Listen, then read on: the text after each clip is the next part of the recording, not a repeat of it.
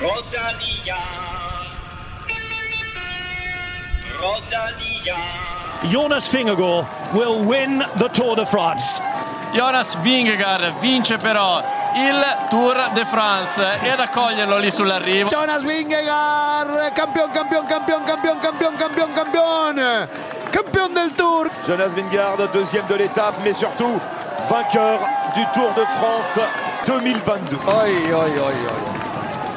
Jonas, Jonas, Jonas. 25 år fra Hillerslev i Tisted kommune har vunnet Tour de France sammenlagt. Jonas Vingegaard, næste stop Paris i gult. Han smiler, han ryster på hovedet, han har ja. indset det her. Så er der champagne og Paris i morgen, mine damer og herrer, hjemme i Danmark og i Hillerslev og i Glyngøre og over det hele.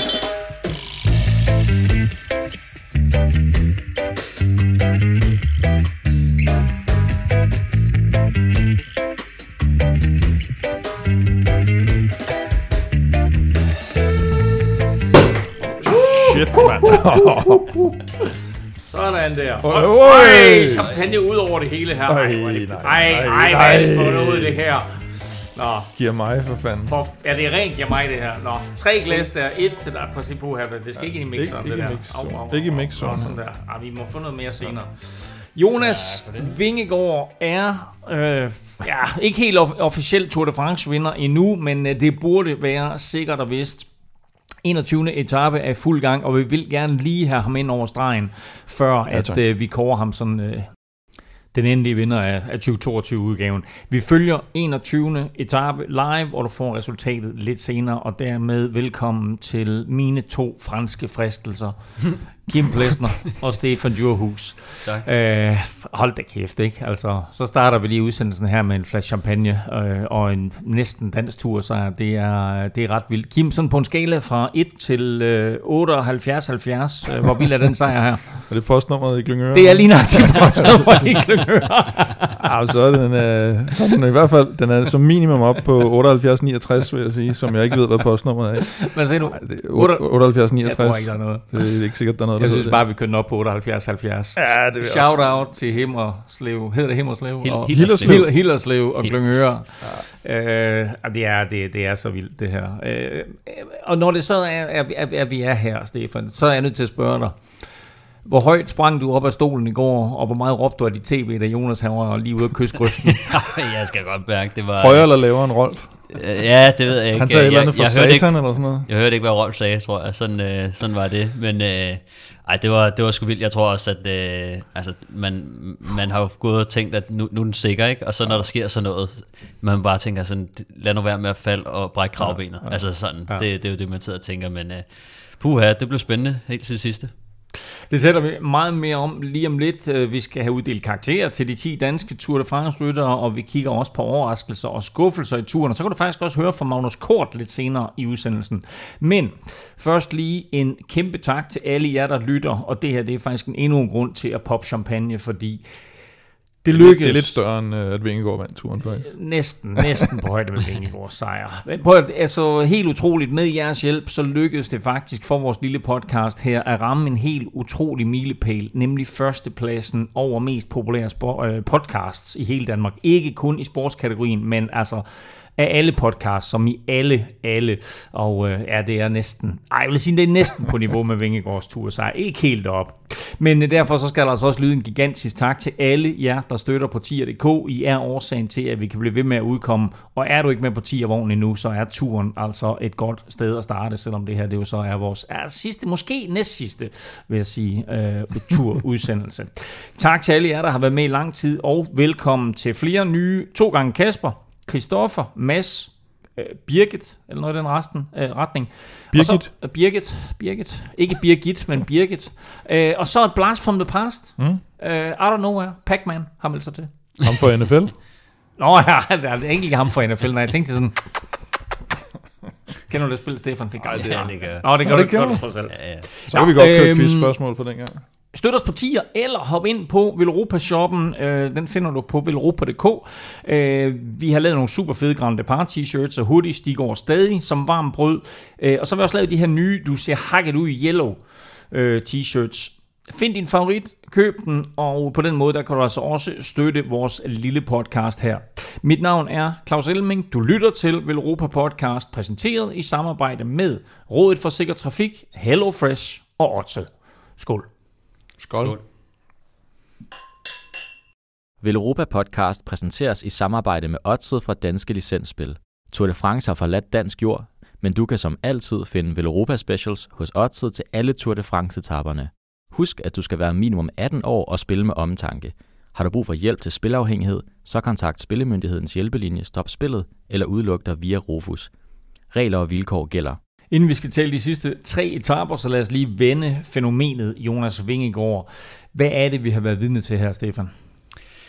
Øh, jamen, øh, noget meget, meget historisk. Øh, noget, som jeg ikke tror, vi havde troet ville ske i, i mange, mange år endnu. Øh, men, men Jonas har jo gjort det umulige på en eller anden måde, ikke? altså øh, 26 år siden, at, at det skete, og, og Bjarne var jo den første, og, og nu har vi, kan man sige, øh, allerede den næste, øhm, og øh, det, det er en lys fremtid, og, og ja, det viser bare øh, lige nu, der, der er Jonas Vingegaard, efter en periode faktisk, hvor vi har, øh, hvor vi har tænkt, at vi ikke havde nogen altså sådan bjergrytter, der kunne være med derop, og, og hvem skal er den næste Tour de France vinder, har vi talt om i, i 10 år. Øh, og lige pludselig, øh, så er han der bare, ikke? Så, så han har taget os alle sammen med, med bukserne nede, og, og det er egentlig ret fedt. som, ja, ja. Som, som man så, siger. Ja. Øh, jeg gennemgik faktisk øh, vores podcasts, øh, sådan helt i kronologisk rækkefølge nærmest til, tilbage til vi startede. Og første gang vi omtaler Jonas Vingegaard, det er 11. august 2019, altså under tre år siden. Det her, det er gået meget stærkt, Kim. Ja, det må man sige. Det må være Polen rundt eller sådan noget det var lige i 2011, hvor han jo han vinder kongeetappen.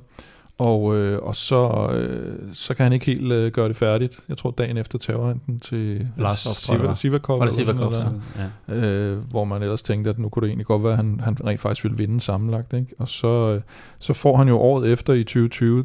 Det er jo der, hvor jeg tror, de fleste sådan får forhåbningerne. Det er der, hvor man ser ham i Vueltaen, mm.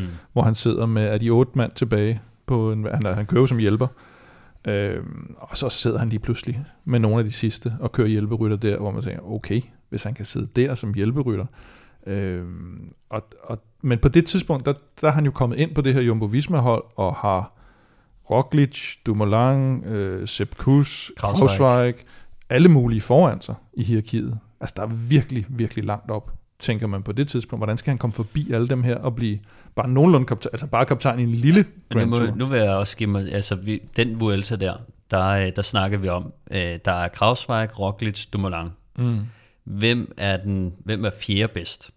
Mm. Sepp Kuss eller Jonas Vingegaard? Og der fik vi svinget os selv op til, nu er Vingegaard foran Kuss. Ja. Øh, og det er godt for, for, for, for, for alderen, ikke? Og, og så... Øh, og der talte vi også, jeg kan huske, jeg, jeg sagde, den Vuelta, at Jonas Vingegaard han er den bedste danske bjergrytter, vi har. Og det var sådan lidt, Fuglsang var der jo stadig, og var mm. stadig også godt kørende der, men der var det sådan lidt, ham her, han, han kan noget i bjergene. Altså, mm. det, det, det, det, det bliver rigtig godt, det her. Ja, og så, altså, og et år senere, der bliver han, øh, eller mindre end et år senere, der bliver han nummer to i Tour de France. Ja. Og det også, og, ja, så vi har snakket om det der med, at han kom med på et afbud før, ikke? Ja. Altså Tom Dumoulin kommer jo ikke med. Og mm. de havde jo forhåndsudtaget det der hold jo, kan jeg huske det? I ja. december nærmest, året ja, før. Ja, altså de havde op, og, og så er det, at Tom Dumoulin, han, øh, han laver den der, øh, hvor han ikke lige øh, føler den, og så, øh, så kommer Jonas Vingegaard med. Altså det, det, det, det er bare så vildt, at, øh, at komme med på et afbud. Det er tæt på 92, 92 EM-sejr. Præcis, altså det er jo det, man, det, er det, man sidder og tænker, ikke? Og, og Jonas taber noget tid, fordi han skal ned og hente Roglic og sådan noget. Så altså, han var jo langt fra noget, de havde regnet med. Ja. Øh, selvom de jo nu står og siger, at de har længe vidst, øh, at, at han, han kunne det her og sådan noget. Ikke? Så, så det viser ikke sådan, at altså, han er også overrasket holdet, tror ja. jeg, fordi at den måde, som de har altså, håndteret Jonas på øh, som, som hjælperytter og ikke udtaget til turen og sådan noget. Det har også vist, at de har alligevel troet lidt mere på, på nogle af de andre, mm. i starten jo. i hvert fald. Og man kan sige, at år har jo egentlig ikke været, jo, han kørte jo fint og op til, til niveau øh, i, i de etabeløb, han kørte der, og vinder, er det Drome Classic, han vinder ja. i starten. Og man siger, okay, han er på rette vej.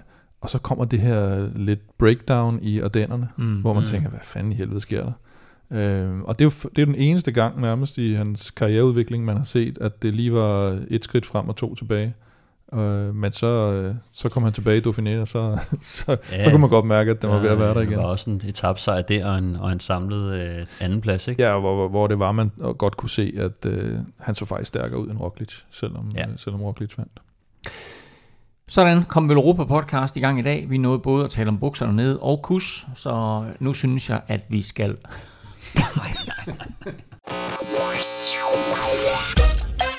Quiz, øh, og efter en øh, nærtælling af resultatet fra i torsdags, så, har du, så scorede du 6 point i torsdags, Stefan. Du fik 7 point, og så minus 1, så du fik 6 point. Men øh, Kim fik 8.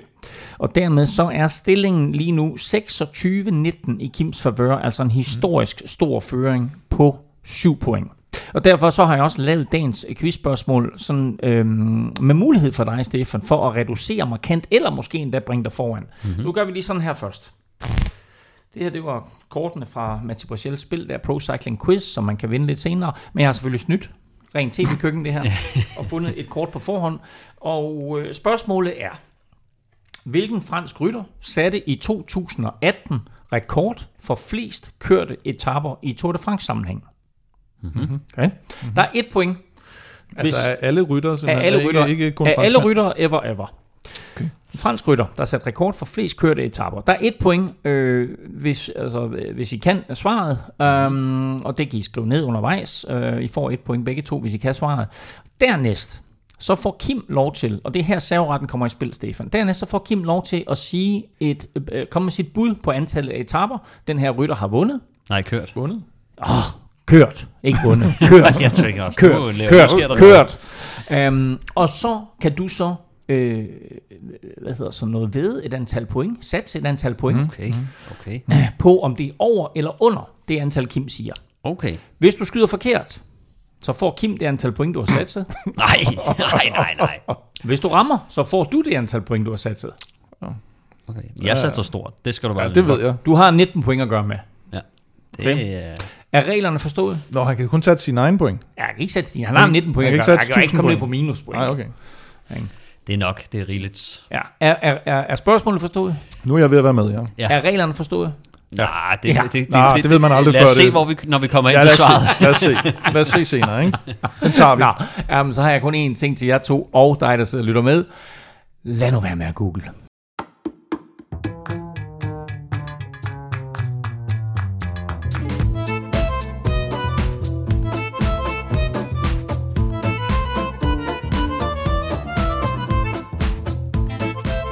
21. etape ind mod Paris er som sagt i fuld gang, men øh, inden vi skal følge spurten, så skruer vi lige tiden tilbage til fredag, hvor der var fornemt dansk besøg i Cahors efter 19. etape.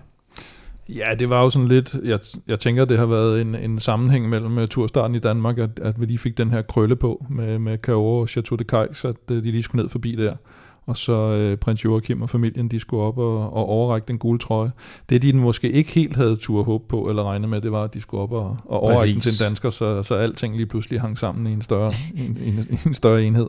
Men uh, det gjorde det jo ikke mindre imponerende. Og jeg hørte lige Christian Moberg på tv fortælle, at øh, han havde talt med en fransk journalist i dag, som havde kaldt det Tour de Danmark, så det er ikke kun Ja, herhjemme, at øh, vi har den nej. rød-hvide klaphat på, det er internationalt Turen er også, at, øh, at de har opdaget, at øh, ikke bare startede turen i Danmark, men øh, det her det har været en dansk tur på, på, på mange måder. Øh, allerede inden 19. etape her, der måtte vi så til gengæld sige øh, farvel til øh, et af de store spanske etapehåb, eller klassementshåb, Enric Mas, der trak sig med corona. En af mine tidligere favoritter, ja. Øh, nej, jeg, dagen før, der var det, det var der, hvor han, han, han sidder med i udbrud, og, og har egentlig fået sådan mere eller mindre foræret fire minutter, tror jeg det er, til, øh, til de andre favoritter, og sidder med op over den første stigning, og så, så er der jo den her lille ned, nedkørsel af det fra Ubis til Solor. Og på den nedkørsel, der formår han jo simpelthen at tabe to minutter, og, og ligger lige pludselig nede hos, øh, hos Louis Manches. Så man kunne godt se, at der var i hvert fald et eller andet galt. Det overraskende var, at det var på nedkørslen, han blev sat, men øh, det kan være, det er lige der, han har fået corona selvfølgelig. Øh, jeg ved sgu, altså, jeg tænkte, da de skrev det, så tænkte jeg, det er simpelthen for at skåne ham, fordi dagen inden, de spanske fans og medier og sådan noget, de var jo rasende. Altså, de, de høvlede ham ned. Så øh, Det, er der, det han, er ikke, han, han blev også høvlet ned i vores interne tråd. ja, det er rigtigt. Du var ikke glad for Jeg det. var ikke glad for det. Men det kan også have noget at gøre med, at jeg måske havde sagt på et tidspunkt, at han ville komme i top 5 til Stefan. Så der kan være noget internt der. Men det, jeg, jeg, jeg, det, er ikke sådan, det er ikke det fjerneste for mig at forestille mig, at de lige gør ham en tjeneste for at sige, nah, okay, men det var sgu også fordi han havde corona, så kan I godt se, at nu... Uh, anyway, det, det var ikke hans tur, og uh, det var det nærmest ikke fra start til slut, så, så det var det var ikke det helt store tab, at uh, han ryger ud det. Men selvfølgelig i fortællingen om Movistar, der, uh, der ligger lige en, en brik ja. på, ikke? Så, så det er lidt ærgerligt. Han var røget ud af, af top 10 øh, dagen for inden og valgte altså at trække som officielt med, øh, med, med corona inden den her 19. etape. En etape, som lignede en øh, Mads P-etape, endnu en god mulighed for ham, men øh, han meldte sig inden etappen sådan ud af kampen om, øh, om etapesejren med dårlig mave. I stedet for så rakte en anden dansker faktisk ud efter sejren. Ja, det gjorde Mikkel Honoré. Han, man kan sige, jeg tror, han blev sendt lidt frem i et, et taktisk fremstød, fordi de havde jo så Ligesom uh, Mads P. havde, ja, Quickstep havde, havde meldt ud, ligesom at, uh, at, at Mads P. havde meldt ud, at han havde dårlig mave, og det var ikke sådan en eller anden, åh uh, oh, ja, jeg har også lidt dårlig mave, og så kører jeg alligevel med om den. Han havde rent faktisk, havde det dårligt, og man kunne se fra starten, at han lå og, og sejlede lidt rundt nede bagved. Og der sagde Mikkel Honoré jo også inde i etappen, at, at de var også lidt i tvivl om Fabio Jacobsen, efter han havde fået de her tæsk på, på den her mm. bjergetap, vi, vi talte om sidste gang hvorvidt han egentlig var kommet så nok til at kunne, kunne, kunne spurte med på den her relativt øh, kuperet, kan vi, halvkuperet etape, kan vi godt sige. Så, så de satte nok lidt mere på, på i dag, øh, og det må vi så se senere, om, om, om det giver bonus. Og så for ikke, at de skulle sidde og lave noget arbejde nede i feltet, så, så smed de en, en mand ud i udbrud. Ikke? Men det var et ret stærkt udbrud med, med et par store motorer, lidt af det vi så, da Mads P. han vandt, at uh, det var sådan et par drenge derude, som uh, godt kan træde en god mølle, og det var måske også det, der skabte en lille bitte smule uro i feltet, Stefan. Ja, altså, øh, de, de, der, der, der røg den her, det her ret stærke øh, udbrud sted med Nils Pollitt, Mohodic, øh, Quinn Simmons, Honoré og Taco van der Horn. Øh, så, så det var nogle, øh, det var nogle virkelig stærke drenge, og, øh, og selvfølgelig øh, både Quickstep og Trek øh, havde sendt en mand frem, fordi de jo ikke troede på spurten, og, og det er jo lidt ærgerligt for, for sprinterholdene, som jo så lige pludselig mm. fik lidt ekstra at se til, og det var jo særligt Alpecin, Lotto og Bike Exchange, der måtte træde i karakter, og de, de har jo ikke så mange øh, hjælperytter tilbage, og med så stærkt et udbrud, så, øh, så blev det altså rigtig vigtigt for dem at, at holde udbruddet i, i kort snor, fordi at simpelthen er frygt for, at, øh, at de ville stikke af, øh, hvis de kom for, for langt ind i finalen. Samtidig så, så var finalen også kuperet, og, og to øh, kategori 4 stigninger på, så det ville også være rigtig skidt, hvis de kom hen til, kan man sige, det kuperede, om, øh, kuperede sted, hvor de så skulle træde klampen i bund for deres sprinter, ville det være lidt noget, noget mm. juks, ikke? fordi så, så ville de jo lige pludselig sidde og lide ekstra meget, så for dem blev det rigtig vigtigt at holde dem i kort snor, og på en eller anden måde, så ødelagde de jo også lidt, kan man sige, motivationen i udbruddet, og, og så endte de jo med at, at blive hentet relativt tidligt. Øh, og det åbnede jo så op for, at øh, der kunne ske endnu mere, så på en eller anden måde, så fordi de holdt mit kort snor, øh, i så kort snor, så, øh, så, så øh, endte de faktisk med at få en, en endnu hårdere dag i sidste ende. Og så lignede det jo, at feltet havde styr på det, og det hele skulle ind i massespurt, men så river en trio så fri, blandt andet med Jasper Støjven, øh, og selvom ingen fra den her trio vandt, så endte det jo faktisk med at få ret afgørende indflydelse på etappen. Det gjorde det jo altså øh, Alexis Gouchard, øh, Jasper Støjven og, og ham her Fred Wright, der har vist sig at være øh, virkelig, virkelig godt kørende, specielt her i, i kan man sige, de, den, den sidste halvdel af, af turen i hvert fald. Øhm, og og de, øh, de ligger jo derude, og, og kan man sige, de har jo ikke mere end 30 sekunder. Øh, og der er jo en, øh, hvad, kan, hvad er der, 25 km sådan noget lignende, hvor de ligger derude. Og, og man tænker jo ikke, at det, det var så slemt, men de kørte jo stærkt, fordi de var friske, og øh, sprinterholdene var, var kørt ret meget i bund, så øh, lige pludselig, så, så blev det et stort problem for dem, og, og feltet begyndte faktisk sådan at, at gå lidt i opløsning. Øh, og øh, det blev så en, en hård kamp, hvor man kunne se til sidst, at øh, selv øh, Wout van Aert var fremme og, og føre. Øh, måske fordi han... Øh, han ikke selv havde de store forhåbninger på dagen. Øh, det, det så lidt mærkeligt ud, fordi at øh, Christophe Laporte, han sad der jo faktisk stadig. Øh, så, så, men, men Wout van Aert går, går frem og hjælper Jonas Vingegaard ind for de sidste 3 km, og er med til at tage en stor øh, føring øh, for at få dem hentet. Og de kommer jo sådan ikke, så, så er det ligesom om, at den går lidt i stå igen, og der, der er der, at, øh, at Christophe Laporte, han... Øh, han, øh, han sidder rigtig godt og har sparet på krudtet, og så springer han faktisk op til de her øh, udbrydere, og så sætter han sig jo lige på hjul, øh, rigtig, rigtig smart gjort af ham, og, og, og sidde lige og, og, og tage et par indåndinger. Og så da de rammer 500 meter mærket, så, øh, så kører han jo forbi. Så det, det, var, en, øh, det var et vildt fedt cykelløb, og en, en rigtig fed måde at vinde en etape på. Det viser øh, hvor meget, øh, kan man sige, cykelløbsfornemmelse Christophe Laporte har, og, og hvor hurtig han egentlig er, at han kan, han kan springe op på den der måde, og, og så, øh, de vidste jo nærmest ikke, at han sad der. Øh, Så de kørte jo bare all out, øh, kan man sige, for hans Altså, de skyld. forreste vidste ikke, han De sad der. forreste vidste jo ikke, han sad der. Især Fred Wright sad jo bare ført i bund på det tidspunkt, øh, mens Christophe Laporte han lige øh, hopper op, og så sidder han jo og godter sig lidt der i, i lidt. Og øh, det, det var lidt ærgerligt for, for sprinterholdene, kan man sige, at de havde, øh, de havde smadret sig selv fuldstændig, og deres sprinter sidder jo alene til sidst, og de burde jo måske være kørt med Christophe Laporte, men, men da han kører sted, det er jo stadig ret tidligt, at de ved godt, at, at at hvis de prøver at hoppe med der, så har de måske de andre sprinter eller feltet i nakken øh, lidt senere, hvor de andre kommer med momentum, så det var sådan en rigtig, øh, rigtig fed øh, omgang cykelløb til aller, aller sidst. Og meget, meget sjældent øh, afgørelse, synes jeg, er meget, meget sjældent, vi ser den her øh, måde, at et cykelløb bliver afgjort på, men øh, Christophe Laporte, han øh, vandt altså det her, det var sejr nummer 5 for Jumbo Visma. Seks. Nej, 6. kom dagen efter. Det var den femte sejr for Jumbo Visma her. Øh, Wout van Aert vandt nummer 6, og de kan så vinde nummer 7 i dag, hvis det er. Øh, men det var faktisk den første for en fransk rytter i årets tur. Ja, og øh, den første franske etappesejr siden øh, Alaphilippe vandt første etape sidste år. Så der var der er et godt stykke tid siden, de har, de har vundet en. Og øh, første, etape, øh, første etappesejr til Laporte. Og han har jo kørt i, øh, i en menneskealder, skulle jeg til at sige, for, for Cofidis, som jo ikke har vundet en etape i Tour de France siden 2008.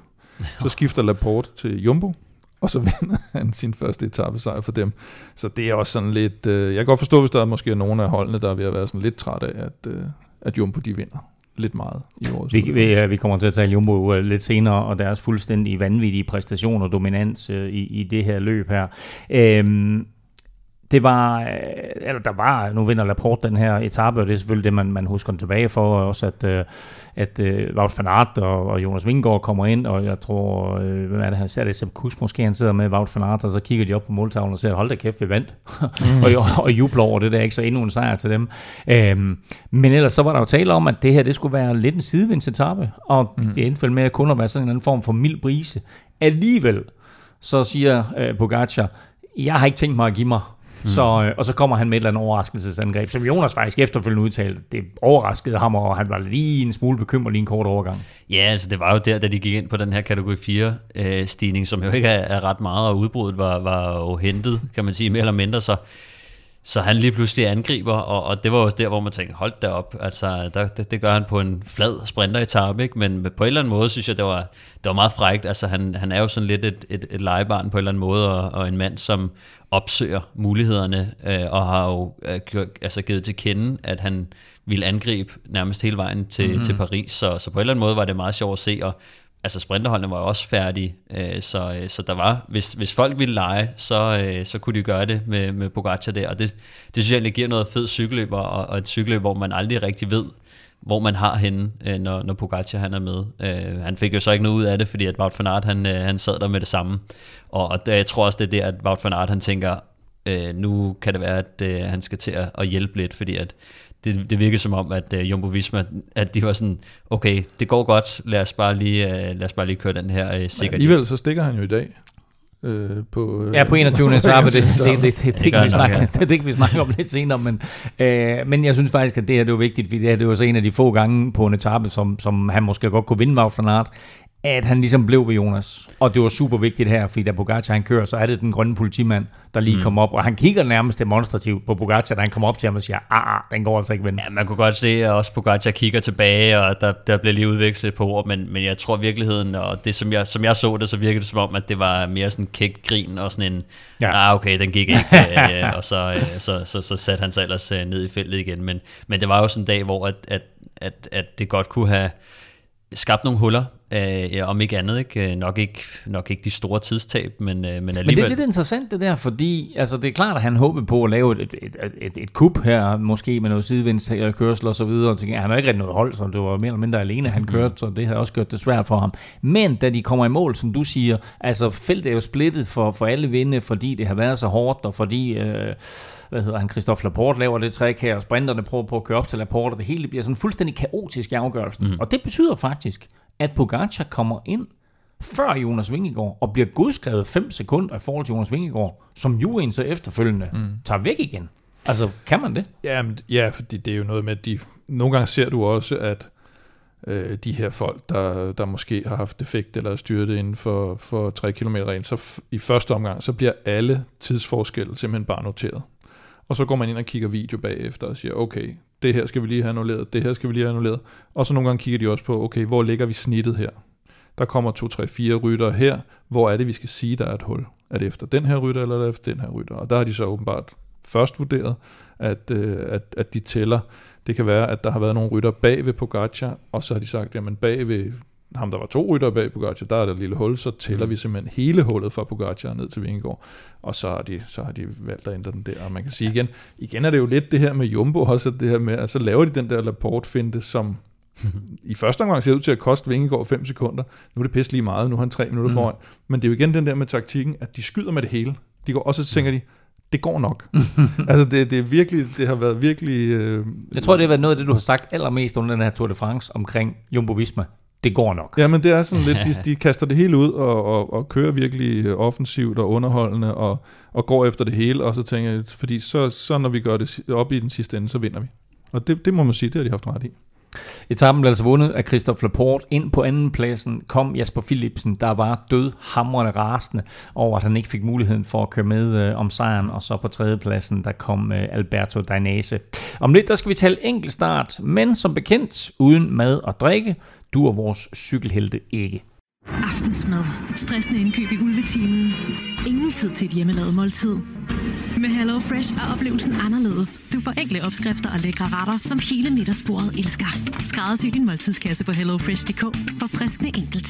I aften står den på god mad, nok 18, øh, vin, øl forhåbentlig, øh, eller måske, øh, og så stor fest for første gang i lang, lang tid mm. for turens hårdt prøvede rytter, øh, og så måske en lille, en, en lille afterparty på Duplex, tror jeg den hedder, natklubben de altid plejer Ja, at komme på. Det, det er faktisk ret sjovt, det der. Jeg har været med til et par af de der afslutningsfester nede i Paris, og, og de der rytter, de har jo simpelthen levet af, af ris og ingenting, og har ikke kunne, altså, de, de er Mm. så pillede og sådan noget, de kommer, så Der når de, får, når de får halvanden øh, glas øl deroppe i baren, så er de, altså Christian van de Velde, han blev nærmest, øh, han blev nærmest fuld af noget, noget ølis til en Jeg, fest. jeg vil sige det på en måde. Jeg har også set et par, par halvbedukkede rytter øh, her efter 21. etape. Jeg tvivler på, at maden i aften øh, er Hello Fresh, eller Bonjour Fresh, som det vil hedder på de kanter der. Men øh, den næste måned, der kan du faktisk få øh, festmåltider hver aften, og så endda med en klækkelig rabat. Øh, Hello Fresh er som bekendt måltidskasser med sund og varieret kost, masser af muligheder, og du kan altså prøve fire uger nu med en rabat på 725 kroner. Så gå ind på hellofresh.dk og brug koden VELOROPA22. Stefan, mm-hmm. skal du have øh, fransk mad i den kommende uge? Jamen, der er, der er ikke så meget fransk Ej, mad inde på ej, Hello Fresh. ej, jeg er enig. Øh, det, det er Det er meget sådan, tyskere. det, det, Det det tysk asiatiske Ja. øh, køkken. Det er Ja. med tacos og nogle gode risretter. Ja, det er meget varieret, og vil jeg sådan noget. sige. Ja. Men jeg har, øh, ja, der var en faktisk, en, en soja-marineret svinemørbrad med, med pomfritter og øh, grøn salat. Det er sådan lidt fransk, er det ikke det? Jeg er ikke sikker på, at sojaen er, men, men Når- lad, os sige der er fritter, pomfritter. lad os sige, fritterne er. Jeg Hvor- tror, og så er det faktisk vigtigt spørgsmål. Siger I svinemørbrad eller mørbra? Mør- Er I sådan nogle- mørbræd. Jeg siger mørbra. Siger du Gør mørbræd? det? Ej, det, ej, det er så Ej, jeg er fra Jylland, jeg siger mørbræd. irriterende sådan noget. Det Ej, det? hvor er det Hvad siger du? Det er mørbræd. Jeg siger det, som Men det, står på. Ja, med mørbræd, ikke? Ja, Ja, det der mørbræd. Ikke? Altså, men okay, altså, hvis det er fransk tema, vi kører, så kan det godt være, at det er mørbræd. Ja, det tror jeg, det er. jeg, har, øh, jeg har valgt nogle forskellige retter i næste uge, som også... Øh, altså, den eneste, der sådan kommer i nærheden af noget fransk, det er en cremet basilikumkylling. Øh, Ja. Så øh, det, det lyder... Men det er også godt. Ja, det er Den er godt. god. Den, den smager faktisk rigtig godt. Der er masser af muligheder derinde, og du kan vælge forskellige retter til og fra. Jeg tror, der er sådan 15, 18, 20 retter hver uge, man kan vælge mellem, og så kan du vælge, om du skal have tre eller fire eller fem retter sendt ud, og også hvor mange portioner du vil have. Så øh, prøv Hello Fresh nu. Brug koden VELOROPA22, så får du altså hele 725 kroner i rabat på din første måned. Du kan godt finde det her tilbud andre steder, men bruger du koden VELOROPA22, så viser du Hello Fresh, at du støtter podcasten her. Øh, og så må du altså meget gerne dele koden med venner og bekendte, så gå ind på hellofresh.dk og brug koden VELOROPA22. Hvis der er en, der i den grad har sagt hello eller bonjour til turen, så er det danske Jonas Vingegaard, og det er ikke kun her i øh, lille Dannevang, at vi er imponeret over den danske sensation. Alverdens tv-stationer, store internationale cykelmedier, Turbos, Christian Prudhomme, øh, den franske præsident sågar, øh, og danske prinser, som du fortalte tidligere, Kim, hylder Tyboen for sin spektakulære sejr i årets Tour de France. Og på 20 etapes enkeltstart lørdag, der blev han nummer to efter Wout van Aert. Men på trods af løfter om at køre sikkert, så var det lige ved at gå galt for Jonas. Ja, det var, jeg ved heller ikke, og som vi snakker om tidligere, og som jeg også sagde, jeg, jeg tror, Rolf kom til at bande på tv, og de sad og mm-hmm. nu, altså, det var virkelig også mærkeligt, at han... Øh, jeg, jeg forstod ikke det der, men jeg, der er en del ved, ved, ved Jumbos taktik, jeg ikke har forstået igennem turen, det må jeg jo indrømme, og det er mig, der ser dum ud nu, fordi de har vundet.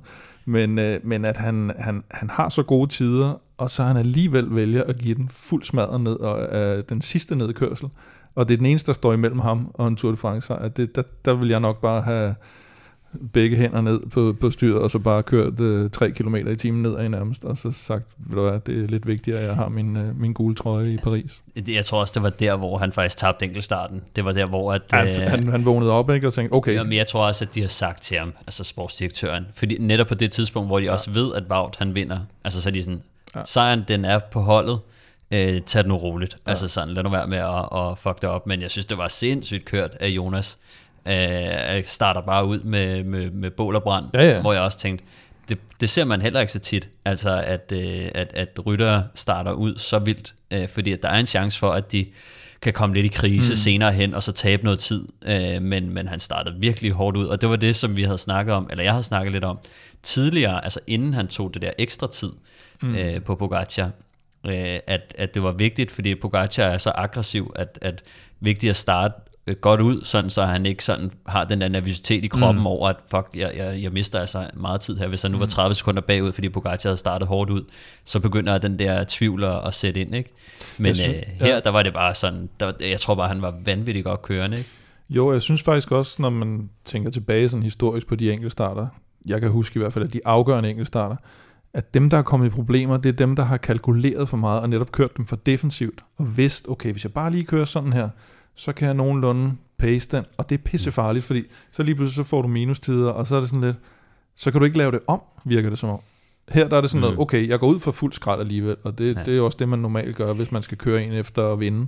Ja. Og, og, og så er det måske, der er risiko for, at du måske går lidt ned til sidst, men til gengæld så får du måske ikke det der undervejs, hvor du lige pludselig skal sådan veksle ja, mellem to strategier. Det, det, det, det, det, måske, jeg kan godt følge dig lidt, men jeg tror mere, det er sådan på de kortere enkeltstarter, er det jo især vigtigt, at, man sådan, at den sidder i, i lige skabet fra start af, oh, ikke? men ja, ja, ja. på de længere, øh, der, der har man mulighed for at komme lidt igen, øh, men, men altså, det, det, det er jo svært, men man vil jo gerne have den til at sidde... Roglic for eksempel, da han lige pludselig begynder det, han kan, han kan ikke ændre det, så lige pludselig ja. vel, altså han, han kan ikke komme, han kan ikke svare igen, og så sidder hjelmen lige pludselig, og så det hele går bare i fisk, ikke? fordi han har startet ud med ja. den der med, jamen jeg vinder jo selvfølgelig. Ja. Men altså der, der ved vi også, selvfølgelig er der en vis form for erfaring på Jumbo i nu, øh, hvordan undgår vi at tabe en Tour de France på 20. etape. Ja. Øh, den anden erfaring, de så har dannet sig, det er, øh, i stedet for at give øh, Roglic sådan en hjelm der, der er lidt for stor, og som ender med at hænge ned omkring halsen på ham nærmest, så kommer Jonas ud og ligner en eller anden rummand. ikke? Altså da han kommer ud af bussen der, jeg ved ikke, hvad han ligner. Ikke? Altså med den der hjelm og den der mærkelige vest, han har på der, hvad er det for, er det sådan en nedkølingsvest? En eller hvad er det? Ja, ja, det gør det. Han kunne næsten ikke gå op på podiet. Altså den måde, han, han kom ud, jeg tænkte, hvor kæft, hvordan er det, han ser ud? Det var sådan helt sindssygt. Men altså, hvis du har haft de der speed suits, de er på, altså de, øh, de, de er jo lavet til, at man sidder helt krummet sammen. Ja. Så når du tager den på og prøver at være oprejst, altså så det går ser du virkelig, også virkelig mærkeligt. Ja, og så cykelsko, ikke? Og så op. Jamen, det, det er forfærdeligt. altså, man skal ikke gå rundt i sådan en speed suit der. Alt for, alt for længe. Uh, nu tager han så måske nok noget af farten af, og, og hvad skal vi sige, øh, begrænser øh, mulighederne for, at det her det kommer til at gå galt, da han lige er ude at kysse øh, asfalt, eller ude at kysse mm. gruset der. Øh, men han har faktisk stadigvæk så meget erfaring i cyklen, og så god en tid, så han principielt kan vinde den her enkeltstart med en god opkørsel. Men der er det ligesom om, at han siger til sig selv, jeg skal nyde de her sidste 3, 400, 500 meter, mm. og modtager jo nærmest folkets hyldest. Både de øh, alle mulige former for internationale mennesker, der er der, men selvfølgelig også alle de danskere, der hylder ham på vej op i de der sidste øh, meter mod målstregen. Og om det er for bare at sikre sig Tour de France-sejren, eller det er for at give Wout van Aert-sejren, det ved jeg ikke, men Wout van Aert er i hvert fald ikke sent til efterfølgende, nærmest grådkvalt, at ja. sige, Jonas er så godt et menneske, at han ikke er bange for at give mig sejren her. Jeg, jeg siger, Wout van Aert kommer for at vinde etapper, og Jonas var en stor nok menneske til at mm. give mig den her mm. etape. Hvad siger vi til det? Jamen, øh, jeg, jeg synes, det var i det hele taget var det jo nogle utrolig rørende scener øh, øh, bag målstregen der for dem alle sammen, synes jeg, og det var fedt at se sådan en, en, en nærmest en, en robotcykelrytter, kan vi måske ikke kalde ham Wout van Aert, men en, der nærmest kan det hele og bare moser derud af.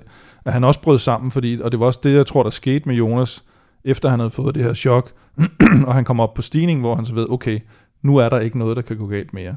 Det har lige kunne gå galt, nu er der ikke noget, der kan gå galt. De siger måske også til ham i ørerne, der, at nu har du ligesom vundet. Og, der, og man kan jo nærmest gradvist se på ham op af den her sidste stigning, at det går mere og mere op for ham, at nu har jeg rent mm. faktisk vundet. Og så er det klart, så skifter fokus jo fra at, at vinde enkeltstarten.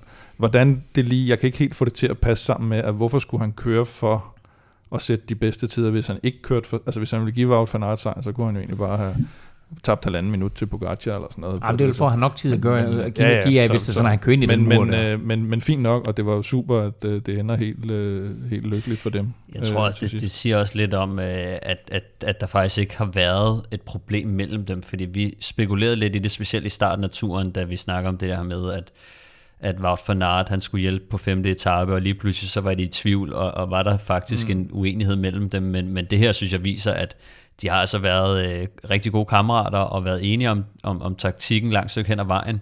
Øh, og, og så samtidig med dagen for inden, hvor øh, Wout van Aert han offrer sig selv for Jonas, ja, ja.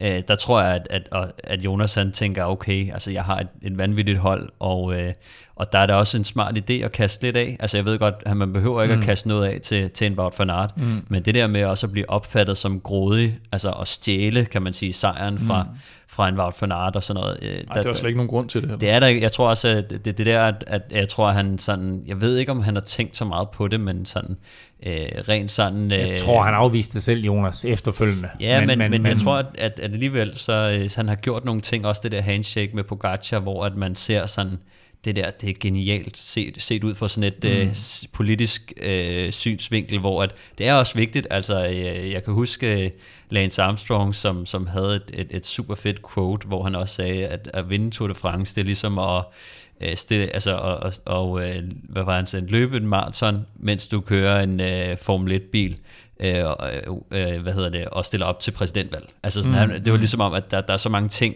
der skal falde i hak. Du skal styre cyklen, du skal være god fysisk, du skal også være en god person, eller have mm. det sådan, kan man sige, have styr på, på feltet, og have gode kammerater, og du ved, tingene skal ligesom være med dig, ikke? Og det, det, Men det vi kan man se meget på det Jonas. her med, at hvis skal du vinde cykelløb, så skal du også være et dumt svin.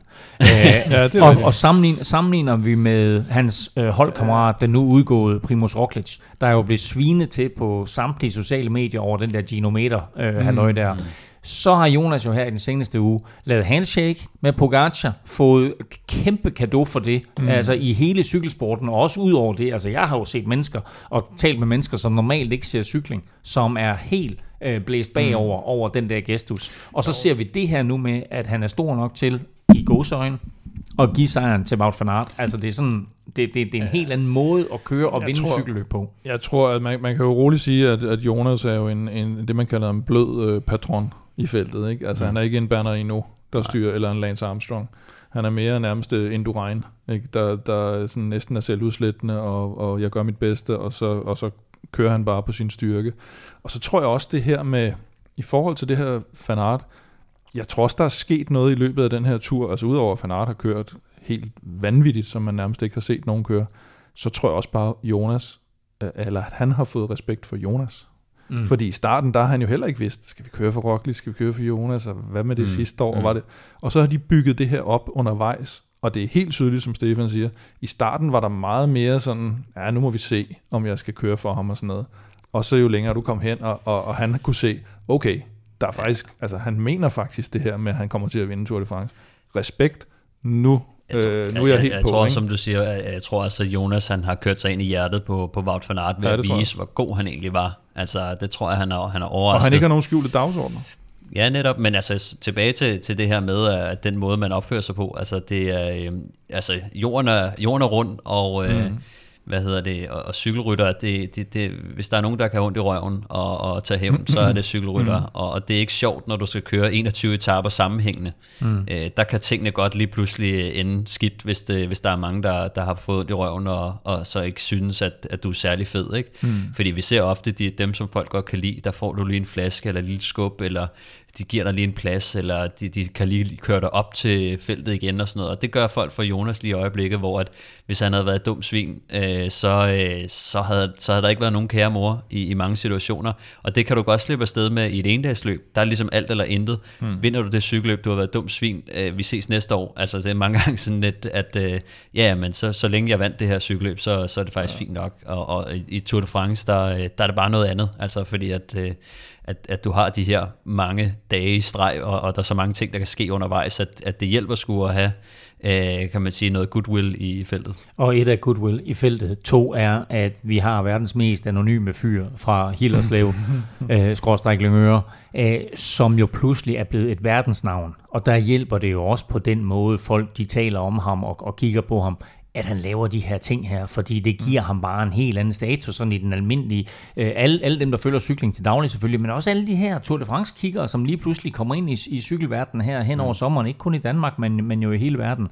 Øhm, Jumbo her, øh, mm. nej, lad mig, lige, lad mig lige først øh, gøre færdig med, med Wout van Aert, fordi jeg synes jo, at der, hvor hele min holdning ændrer sig til det her med, at det er et hold, kører Wout van Aert for sig selv, eller hvad sker der, det er den krammer, som Wout van Aert kommer op og giver Jonas, da han vinder på Col de Granon. Hmm. Vi er i tvivl om, hvad er det, der sker i bunden der, at Wout van Aert, han falder tilbage til Roglic, og synes jeg, det var lidt mærkeligt noget, og hvad skulle Roglic med op for der, og, og hmm. der bliver hævet nogle rytter med op, og så videre. Øh, hvor vi tænker, okay, altså, forstår vi ikke Jumbo, eller er det Wout van Aert, der kører sit eget løb? Kører han stadigvæk for Roglic, eller hvad er det, der foregår her? Hmm. Den krammer, han til gengæld kommer op og giver Jonas, da de mødes sådan backstage-området, fordi Jonas skal have den gule trøje, eller ikke, jo, Jonas skal have den gule trøje der, og, øh, og Wout van Aert jo har den grønne. Der tænkte jeg, wow, der er en eller anden form for kemi mellem de to her. Den samme krammer kommer der på til kammer. Man ser også uh, Wout van Aert, den måde, han krydser stregen på med, kry, mm. med, med, med uh, krøllenæve, hvad vil jeg sige, med, knyt, med knyttet næve på til ikke? og så igen det der med, at han forlader hot seat i går på enkeltstarten, mm. og kommer ud og mm. prøver på at give øh, Jonas enten en high five eller klap bag eller et eller andet. Ikke? Øh, det synes jeg bare var mega fedt. Men er du klar over, hvor mange præmiepenge han får ud af det der? Ja, ja. det er det, han jubler over hver gang. Nu ja, det er, er vi til. Men, Men jeg tror også, altså, sådan en som Wout van Aert, han gider ikke at, at få spillet en masse chancer på at øh, få en tredjeplads i Tour de France. Nej, nej, der, der tror jeg, også, han er sådan lidt Jamen, men Jonas har på et tidspunkt overbevist ham om, at sådan, okay, han er vild nok ham her. Den ja, her, er, lille, den her lille uskyldige fyr, mm. som jo sikkert også øh, i starten har været sådan lidt den her lillebror, øh, rolle på, på holdet, ikke? Sådan, øh, nå, men han er god, og han skal nok Jamen, øh, blive god en dag, og sådan noget, så lige pludselig så er han der. tidligere, ikke? Da Jonas kommer ind, han er nummer 5-6 stykker mm. i hierarkiet. Ja. Og prøv at se på, er det på 19. etape, hvor Fanart ligger og kører Jonas frem, hvor de ligger på siden, med, eller med Kofidis på siden, og så mm. Jonas, han tager lige hånden op på en af kofidis mm. der, skubber ham simpelthen til siden. Jeg skal lige frem her i den gule trøje. Ja. Det havde, altså, bare for to uger siden havde du slet ikke set Jonas gøre sådan noget i et felt. Nej, det er også, og det er sjovt, jeg, jeg så også en historie med øh, Danny van Poppel, min, øh, min gode ven, som, øh, som selv snart, som har kørt på hold med Jonas det første år, han var derinde. Og han sagde jo også, at, at Jonas han var så nervøs, øh, ved, mm. ved, specielt øh, var det øh, sæsonens første løb, hvor han, han brækkede sig inden start. Ja. Altså det, det, det tænker man også sådan, okay, altså det, her har vi altså en mand, der, der kommer ind på den store scene og virkelig er har den der præstationsangst, men, men vil det virkelig gerne, og, og, mm. og, og så har han bare sådan stille og roligt kørt sig op i hierarkiet, og, og tror ikke helt selv, han har forstået, hvad det er, han, øh, han, altså hvilken magt han egentlig besidder, fordi han bruger den ikke. Altså, ja, det kræver øh, også, at der er nogen, der tror på ham, og det er jo i den sportslige ledelse, ja, må man og sige. Det, øh, det, det, tror jeg ikke, øh, det tror jeg ikke, de kan se bort fra nu, at Jonas han, han skal være kaptajn, og Roglic han må, han må kigge på, på Giro og, og Vuelta, hvis, hvis han vil noget. Øh, Jumbo har vi været en del efter. Vi har ikke forstået deres taktik. Vi må bare øh, sige, at den, der lærer sidst, lærer bedst, fordi de har fået øh, her med, med enkeltstartsejren der, der får de den tredje etappesejr i træk, altså Jonas Bortakam, så Laporte i den der vanvidsetappe, eller mærkelige etape der, og så øh, Wout van Aert på enkeltstarten. Det er deres sjette sejr i turen i alt. Hvis lad os nu sige Wout van Aert, eller for en sags skyld Christophe Laporte, vinder på chancen i dag, så har de vundet syv etapper. Det er en tredjedel ja. af alle etaper i hele Tour de France. De har også den grønne trøje, de har den prikkede trøje og den gule trøje. Altså det her, det er en vanvittig Tour de France af Ja, et mandskab. Og det det, er- altså det her, og det slår alt, hvad Sky, hvis Gråster Ineos har gjort Og det der er mærkeligt, det er også, altså nu, nu er det Ineos, der, der vinder holdkonkurrencen, men, men hvis man kigger på det, de har lavet, så, kan jeg rigtig, altså, så er det faktisk svært at forstå, hvorfor de ikke også De har jo, de har jo kørt sådan en uh, Movistar holdkonkurrence på Ineos nærmest, ikke? Og Ja, ja, sørget ja, for at det er holde nogle, nogle rytter med Altså frem. det er jo hele tiden været Geraint Thomas og Adam Yates, og så er der sådan skiftet lidt mellem Danny Martinez og Pitcock og- Pitcock ja, ja. og så videre. Ikke? Altså. Nej, men jeg vil sige, øh, for at vende tilbage til det med, med at vi har kritiseret øh, Jumbo, øh, altså vi har jo også rost med de øh, etapper, hvor vi synes, at nu gav det mening. Det, altså, vi, vi, vi observerer jo det, der sker i løbet, og så siger vi, okay, det her, det kan jeg ikke forstå, eller det her, det kan jeg godt forstå, eller det der, det virker da lidt ulogisk, eller det der virker, som Bjarne også sagde i sidste uge, i Bjarne Ries sagde det, vi igennem, altså, det er jo ikke for, altså, man kritiserer dem jo ikke for at kritisere, vi har ikke noget imod, vi holder jo med Jonas Vingegaard, så det er jo ikke Mm. for, og, og, og, og havde det været Roglic, der havde kørt på den der måde, øh, og, og Fanart havde kørt på en måde, som ikke støttede op om, eller hvor, hvor det så ud som om, han ikke støttede op om Roglic, så har vi jo sagt det samme. Så det er jo ikke fordi, det, det lige var Jonas. Men, men de har jo kørt, altså, man kan jo i hvert fald ikke kalde den hverken fornuftig eller klog, den taktik, de kører. Hvilket er befriende, fordi det har vi jo set mange gange. Det har vi set på Sky, på US Postal, på Banesto, og så har man siddet og kædet sig ihjel i, i mange Tour de France. For de har kørt sådan klogt og, og, og ligesom kalkuleret eller sagt, okay, hvordan eliminerer vi noget risiko? Mm. Hvor det Jumbo gør, det er, de opsøger nærmest risiko. Men det var jo også deres Ikke? indledende plan, sjovt nok. Altså, Ja, ja, de sagde netop, at hvis de skulle slå Pogacar, så skulle de skabe kaos. Ja. Og det kaos har de så bare kørt hele vejen igennem. Ja, det må man sige. Øh, på en eller anden Selv, måde. Og øh, taget chancer helt hele til vejen. det sidste. Ikke? Ja, ja. Og, og, og det er klart, at når det, når det, når det lykkes, så, så er det jo helt vanvittigt, som vi har set jo. Altså det, det, og, og, og man sidder og snakker om den bedste Tour de France nogensinde. Og, og, og, og det er vanvittigt underholdende, som, som seere mm, sidder mm. og kigger på. Uanset om det går godt eller dårligt for dem, så er det underholdende. Det er også underholdende at se Pogacar, selvom han ikke har vundet. Det skal vi jo også huske. Mm. Og, og, og det er faktisk en fed pointe, det der, fordi hvis vi tænker tilbage på Lance Armstrongs dominans, og faktisk også det år, Bjarne Ries vandt, og, og Sky Ineos æraen, det har jo været kedeligt Tour de France, Mm. mm. fordi det var nærmest afgjort, altså når Froome han fik øh, den gule trøje på 10. så vidste man, så afgav han den ikke igen. Jo, og det er jo egentlig klogt nok, og det er det samme, hvis du fører 1-0 i fodbold, og du kan få lov at bare stå og spille den på tværs ned på egen banehalvdel, og modstanderen ikke gør noget, så er det jo det næsten, eller så er det jo det klogeste at gøre, fordi så vinder Mm, mm, du 1-0. mm. Mm, men det er kraftedme kedeligt at sidde og kigge på. Mm. Men, og der kan man sige, hvorfor så tage noget risiko? Hvorfor egentlig tage, altså kunne man ikke have kørt den mere safe på nogle ting? Og det kunne Jumbo jo helt klart have gjort, hvis ikke de havde haft øh, øh Wout van Aert, øh, øh, agendaen også, og hvis ikke de ville holde øh, to kaptajner ind og sådan noget, altså hvis de havde sagt fra starten, vi kører bare for Jonas Vingegaard, så tager han to minutter på Pogacar på en bjergetappe, og så kører vi den bare safe med, med fire mand foran øh, Jonas resten af turen. Sådan kunne man også have gjort, men det er ikke den måde, deres hold er bygget på. Det er ikke den måde, de kan få øh, Wout van Aert til at føle sig motiveret, og hvis de gerne vil beholde ham, som jo er nok uden tvivl øh, verdens bedste allround cykelrytter lige nu, øh, og ham vil man nok godt beholde på holdet, så, så er man jo nødt til at twiste sine strategier lidt. Vi har lige nævnt Roglic et par gange, og vi var også efter Roglic dengang, at han øh, sådan lidt abrupt øh, forlod Tour de France, men sådan efter de seneste lægerapporter, øh, der er det vel færre at konkludere, at vi måske var sådan lidt for hurtige og var lidt for hårde ved ham. Ja, jeg, ved, jeg kan ikke huske, jeg kan ikke engang huske om vi, øh, om vi kalkuler, eller om vi kritiserede ham, eller hvad fanden vi gjorde i forhold til hans... Øh, men det er rigtigt, der er kommet nogle forlydende. Først så jeg, at det var noget tysk tv, og så var det ESPN, der, der bragte nogle forlydende om, at han måske havde brækket et par, par rygvirvler, øh, Roglic, og at hans øh, welter start egentlig er i far. Ligesom øh, Krausweig, som jo har både brækket skulderbladet og øh, kravben, og, og er sikker på ikke at komme med i Og lad mig sige, den der kombination, den har jeg også selv været igennem med kravben og skulderblad. Den går naller. Den går naller, og den kommer man så ikke lige over. Sådan, øh, jeg tror, han... Øh, Roglic sagde også, eller hvad hedder Ja. ja. det, Krausweig sagde, at øh, 2022-sæsonen, Præcis. den tænker han ikke rigtig mere på.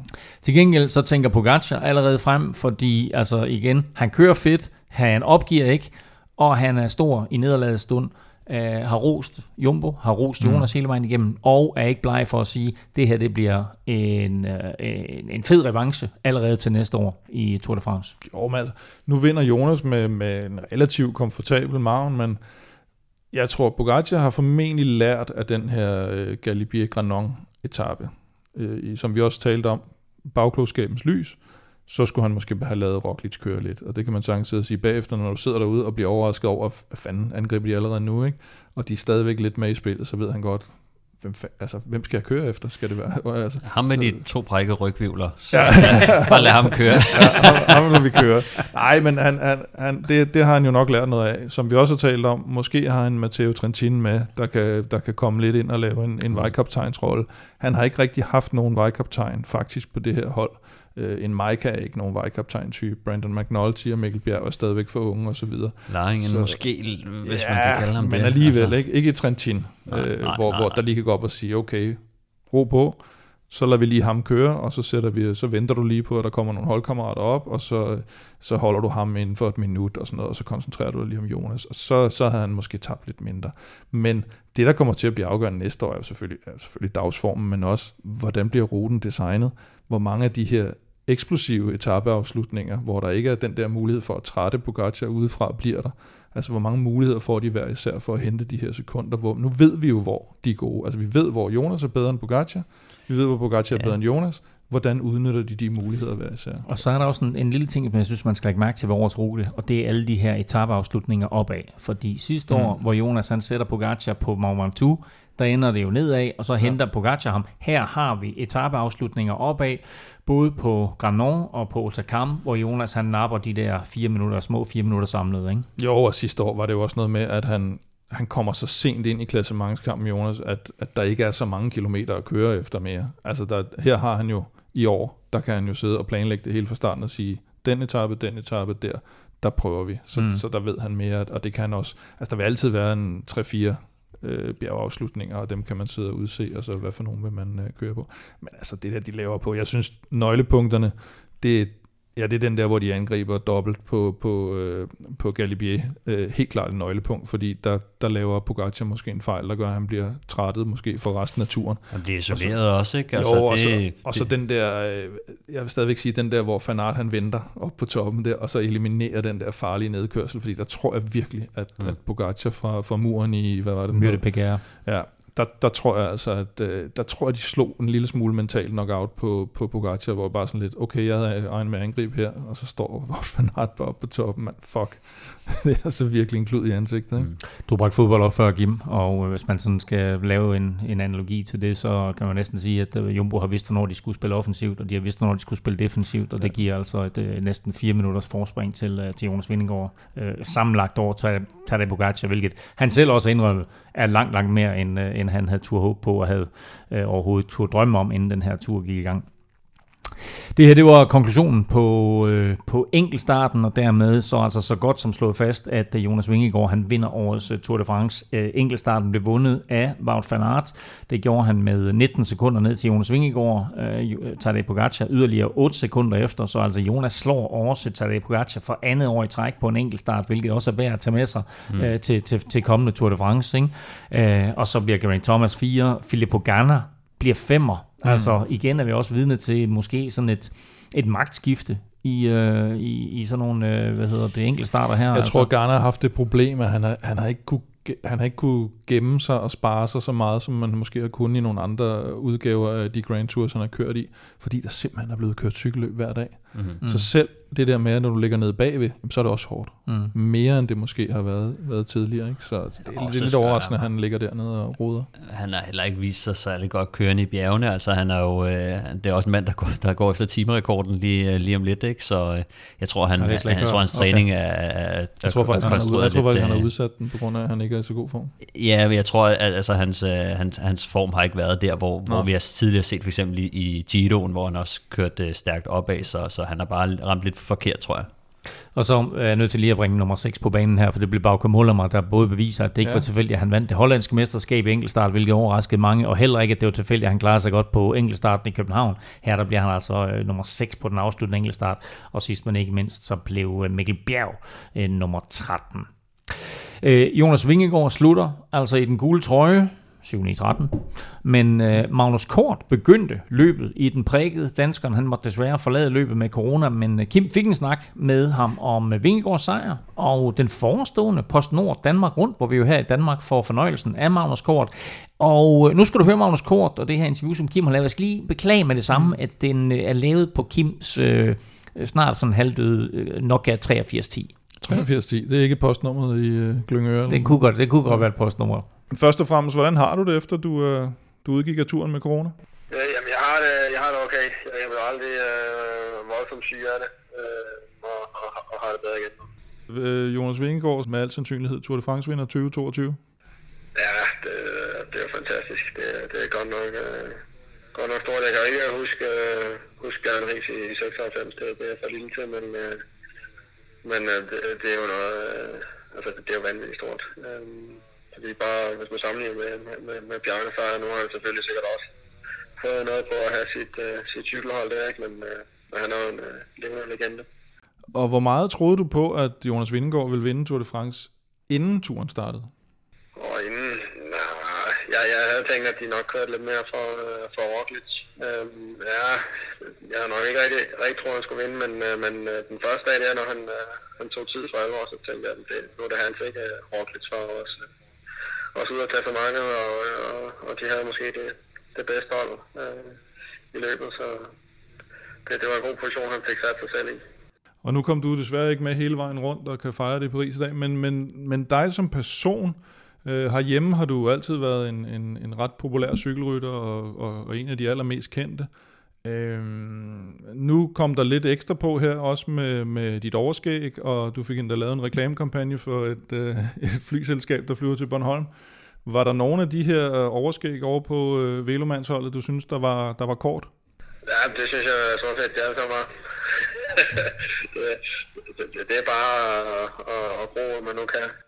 Så meldte du jo ud her den anden dag, at du skal køre Danmark rundt. Hvad har du ambitioner der? De fleste de joker sådan lidt med, at nu skal du i udbrud hver dag og tage bakketrøjen. Ja, det, det tror jeg ikke, jeg får lov til. Nej, jeg, jeg tror, jeg skal, jeg skal prøve at køre, køre klassemann. Der er lavet lidt om i år med vejen, der ligger til sidst. Ja, måske på, på sin vis måske nærmest foran den nogensinde har været før. Øh, det er nok fint for mig, at, øh, at der er lidt længere imellem, vi skal op af, af Kidesvej, men, ja, men der er godt nok mange stejle bakker, de, de har fået dem alle sammen med. Og jeg har jo egentlig lidt dårlige minder her. To gange øh, har jeg faktisk tabt øh, Sødertrøjen øh, i Vejle. Men øh, jeg vil hellere have haft kørt op af Koldingvejen i, i turen i stedet for den direkte vej op af, af Kidesvej. Udover Danmark rundt, i efteråret. Hvad skal du, hvad skal du så få tiden til at gå med?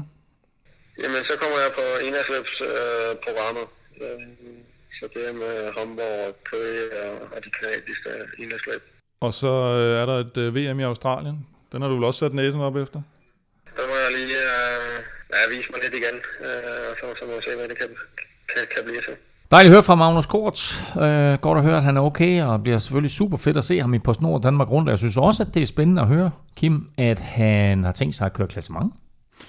Ja, jeg synes, øh, han bør jo kunne, han, nu siger han lidt, at han frygter Kidesvej og vil hellere køre op af, af Koldingvej, det kan jeg egentlig godt forstå. Men øh, han er så, han er så øh, stor en klasserytter, at, øh, at han skal kunne, øh, kunne sidde med op over, hvis han kører, kører klassement i Danmark rundt. Men der kommer jo altså nogle, nogle typer som Tom Dumoulin, der måske også har tænkt sig... Geraint Thomas har meldt sig på. Ja. Så hvis de har tænkt sig at køre efter det, så, øh, så er det jo noget med en enkelt start, der måske går hen og bliver lidt, lidt afgørende. Og det kan han jo ikke finde ud af. Nej, det skal han i hvert fald også øh, køre op til sit bedste, så uanset det kan hvad, godt gå hen og blive spændende. Uanset hvad, så får han en kæmpe hyldest hele vejen rundt Ja, det i Danmark. Men skal Kort vinde på Nord Danmark rundt, så tror jeg, han skal spænde hjelmen. Skal du ikke have hjelm på? Jeg synes, den er ret irriterende, den. Den giver sådan en øh, kløe i hårbunden. Svend, ja? I kan plyndre lige så tosset I vil, men I tager hjelm på. Du har sikkert set reklamen for Rådet for Sikker Trafik med Vikingen, der er på togt uden hjelm. Her under Tour de France, der har vi jo øh, hele vejen igennem øh, i et samarbejde med Rådet for Sikker Trafik opfordret dig til at øh, tage hjelm på. Der kommer ikke et interview i dag. Til gengæld så slutter vi hele den her lille seance af med en øh, slags konkurrence, som jeg ved ikke, hvordan holdet får at vide, om de har vundet eller ej, eller hvad, hvad de vinder, men øh, vi skal simpelthen have kåret den fedeste hjelm. Så Ja. ja. lidt, lidt hjelmmod her til afslutning. Hvem har den fedeste hjelm i Tour de France-feltet? Altså, jeg må, jeg må indrømme, at øh, lidt imod, hvad jeg troede, da turen startede, så er jeg faktisk gået hen og blevet lidt fan af, af EF Easy Post og, øh, og deres hjelm. Og Må jeg lige spørge? Du glemte at spørge Magnus, om vi måtte få hans, øh, hans sutter, ikke også? De der øh, Nej, men der, der var gået fuldstændig kommercielt i dem jo. Øh, med et eller andet, og Euroman, og der, der, der er alle mulige ting, og så er i gang med de Ja, der. jeg spurgte også Matti, og den, på en eller anden måde, så gled han stille og roligt af på den. Ja, altså, kan vi ikke få nogle sutter? Kan vi ikke få et eller andet? Men Ja, ja, nej, øh, jeg de tror, er- de, de, de er- blevet så populære, så... De er en meget høj Ja. kurs, og, øh, og jeg synes, ja, men ikke kun deres hjelm, men hele deres øh, outfit og deres øh, tøj og cykel og sko, skodesign, hvis man kan kalde det det. Jeg synes faktisk, det spiller. Altså det, jeg, kan- jeg kan jo bedre og bedre lide det, jo, jo længere vi kommer i turen. Også det der med, at man, man kan se, at, øh, hvor, hvor de er henne og så videre. Ikke? Det, det synes jeg er meget fedt. Jeg synes, jeg synes til gengæld ikke, at den her Lotto Sudal, der tog den her nye lyseblå farve på, på grund af deres nye sponsor, det der med at have så forskellig farvet øh, hjelm i forhold til, jeg har, det, jeg har jo selv haft det, jeg har haft den der øh, blå-sorte kaskhjelm, hmm. og så en, øh, en, en rød-hvid Cervelo. Det spiller bare ikke. Altså, jeg det, det, det, synes, det ser mega fedt ud. Også fordi min nye hjelm er fuldstændig samme farve, som den der IK-hjelm, de kører rundt med Ja, der, skal, der, skal, der skal være lidt mere farvekoordinering, hvis, øh, hvis, det skal, hvis det skal spille for mig. Og så synes jeg, det har vi været inde på tidligere, det der med, at på et tidspunkt, der var der skulle lige lovlig mange gule hjelme. Altså hjelmen kan, kan man godt bruge øh, som øh, tv-serie til at, at få øje på, hvor sidder de forskellige hold hen, eller hvad, hvor, hvor kommer den her rytter fra, der er gået i udbrud, hvad for et hold er han, så kan du lige se, okay, hvis han har den farvehjelm på, så er han måske for det hold. Og hvis lige pludselig Ineos havde gule hjelm, fordi de førte holdkonkurrencen, og Jumbo havde gule hjelm, og Pogacar havde gule hjelm, fordi han førte løbet og sådan noget, så var der, så var der ved at være fuld plade på, på, de, på de gule hjelme. Og så øh, noget af det, jeg har lagt mærke til, fordi så kan man snakke, man kan selvfølgelig snakke hjelmudvikling i forhold til sikkerhed og så videre, det har vi også været inde på i, i nogle andre udsendelser, men, men selve sådan, øh, det visuelle, der er det her med, at øh, Jumbo har, i hvert fald til tider, har de deres fornavn stående oven på hjelmen. Det synes jeg er et øh, punkt, man godt kunne arbejde lidt med i cykelsporten, det her med genkendelighed, netop fordi de jo er pakket ind i hjelme og briller og så videre. Øh, lad os da både få, få navne på hjelmene og trøjerne, og øh, måske noget med nogle faste numre, så man, så man lettere kan genkende, øh, måske større numre. Der skal vi nok lige ud og snakke med sponsorerne, at de, de nok helst, helst ikke vil afgive deres plads. Men lad os få lidt udvikling inden for det i hvert fald, tænker jeg. Ja, det, det kunne man godt. øh, det, altså, ja, ja, det, det synes jeg også er, er, er, vigtigt. Altså, øh, så er der jo nogle få, man kan genkende på en Red Bull-hjelm, og, og, og, og nogle andre, Ja, det er personlige sponsorer. Men øh, nej, i forhold til hjelm, så synes jeg, at øh, det, der, der var en periode, synes jeg, for i hvert fald et par år siden, hvor at det var ligesom om Specialized havde taget meget over på sådan, øh, hvem der sådan dikterer, og, og det skulle være Specialized øh, det hele, ikke? cykelsko og, og hjelme også og så videre, men, men jeg synes, der er kommet nogle, øh, nogle, nogle gode bejlere på, øh, på markedet. Øh, en af dem, som ikke bejler, det er, synes jeg, er øh, Bollet hjelmen der fra øh, B&B Hotels. Øh, det er en af dem, hvor jeg tænker sådan, åh, det, øh, øh, det gad jeg nok ikke at, at køre med. Så er der øh, Astanas øh, Lima, øh, Air Pro og Air Speed, tror jeg de hedder. Øh, dem, de, de ser sgu lidt flade ud. Altså det, det, det, det, det kan jeg sgu ikke lide sådan noget. Altså Mm. det, men de, på, på, på de gode øh, fronter, der, øh, der, jeg kan jo godt lide kaskhjelmene, øh, dem som Ineos øh, blandt andet kører med. Dem, dem synes jeg er rigtig fede. Jeg har også selv en øh, Protone hjelm, og så øh, kan man se den, den nye øh, model, som de kører med, der er jo er en blanding af, af Protone og øh, deres Arrow hjelm, der hedder Wasabi. Øhm, den ser egentlig også okay ud, altså det kunne godt være øh, min, min næste hjelm i hvert fald, men jeg har også prøvet at køre med POC, og øh, det blev jeg faktisk positivt overrasket over. Altså, jeg kunne, jeg kunne slet Det- ikke se mig selv køre med POC øh, inden da, men Ved du, hvad POC står for? Ja, det har jeg fortalt dig. Har så du? det ved jeg godt. Nå, okay. Hvad står det for så? Piece of cake. Det, ja, nå, det kan godt være, at du har fortalt mig for længe siden. Jeg hørte det lige i weekenden igen, så var jeg sådan, what? Ja, Men, men, øh, ja. ja. men øh, da, jeg, da jeg kørte på cykelholdet, da vi fik POC, så, så stod der nemlig en, øh, der, der arbejdede for dem, øh, som ikke kunne lade være med at sige det, men, øh, og, og det synes vi alle sammen var meget sjovt. Vi har slet ikke tænkt over det, men, men det var så åbenbart noget, som POC ikke selv synes er så øh, vigtig en detalje længere. øh, det, det var de måske, øh, synes de måske ikke var så, var så fedt at promovere sig på, men Det er noget med, at at det, det, er et, det er et svensk firma, som lavede alle mulige, jeg tror, der er sådan noget bjerg, bjergklatringsudstyr og alt Ja. muligt. Og så tænkte de, nu slår vi os ind på cykelsporten, og så i stedet for at, at det Mhm. hed piece of cake, så blev det POC. Men det er vel egentlig mere populært hjælme i, i feltet nu. Ja, det synes jeg, øh, de, altså de kommer jo med sådan et øh, væsentligt anderledes design, og, mm. øh, og, og det hænger godt sammen, hvis man selvfølgelig blander deres produkter. Jeg, jeg, jeg kunne godt lide at køre med deres øh, Aspire-brille sammen med, øh, med, med POC-hjelmen der, øh, lidt ligesom Rigoberto Urán gør. Det, det, det synes mm. jeg var fedt, og det var lidt flabet også øh, at, at køre med sådan kæmpe briller og, og en stor hjelm på en eller anden måde, men det, det passede sgu meget godt alligevel, synes jeg. Øh, så så det, det, det, det var okay vildt med, også når man så bagefter høre, at, øh, eller kan man sige, man hørte, hvor, at grunden til, at den var lidt større, og sådan noget, det var på grund af sikkerheden, og de havde MIPS-systemer og alle de her ting, som var sådan lidt, okay, det, det ser, jeg kan både se fed ud, og jeg kan øh, være, være godt sikret, så, mm. så på den måde har de også overvundet mig øh, for, for nogle år siden. Så altså, vi har en klar taber i Bolé øh, fra B&B Hotels. Hvad er, hvad er vinderen? Ej, jeg synes EF. Ja, jeg, jeg, jeg, jeg, jeg blev nødt til at gå med, med kaskehjelmen, øh, fordi det er jo det, jeg selv har, har kastet mig ud i, øh, efter at have haft øh, POC, men, men jeg, kunne virkelig, jeg kunne sagtens øh, tage det på igen. Jeg synes bare, det spillede lidt bedre, da jeg kørte hurtigt på cykel. det er ligesom om, når man kører man hurtigt på cykel, så, så, så kan rigtig meget øh, se fedt ud. Og det vigtige er selvfølgelig, at man er lians. Men der er en ting, der er endnu vigtigere, og det er brug hjelm. Så lige meget, hvad for en hjelm du køber, så er det bare vigtigt, at du køber en hjelm. Det skal være opfordringen herfra, og det er altså vores sidste opfordring i samarbejde med Rådet for Sikker Trafik. Husk nu, brug hjelm også når du er på cykel til hverdag. Hvis du vil vide mere, eller måske se hele reklamen, så gå ind på sikkertrafik.dk. Stor tak herfra til Rådet for Sikker Trafik for det her samarbejde gennem hele Tour de France. Og så er 21. etape netop slut, og hurtigste mand på Champs-Élysées, det blev Jasper Philipsen fra Alpecin, der for tredje gang i den her Tour de France kunne række armene op. Ja, og med to sejre selvfølgelig. Dog kun to gange vinder, og så var der lige den der, var det fjerde etape, hvor Wout van Aert var kørt i mål 50 meter før ham. Men uh, en suveræn sejr ja, det var af Jasper Philipsen. Uha, ja, vi sad og talte om, der nogensinde var nogen, der havde vundet så stort på, uh, på Champs-Élysées, og, og så kom vi til at tale om en gang, at Mark Cavendish vist også havde vundet ret stort. Men det var, han, han tager den jo ligesom i, i højre side, og så kører alle de andre over i venstre side, og, og ligger og kæmper, og man kan sige, det kunne egentlig have været en spændende duel over i venstre side, mm. med Caleb Ewan og Christoph, der er ved at få ham bokset mm. inden, og ved at komme udenom Kronevæggen.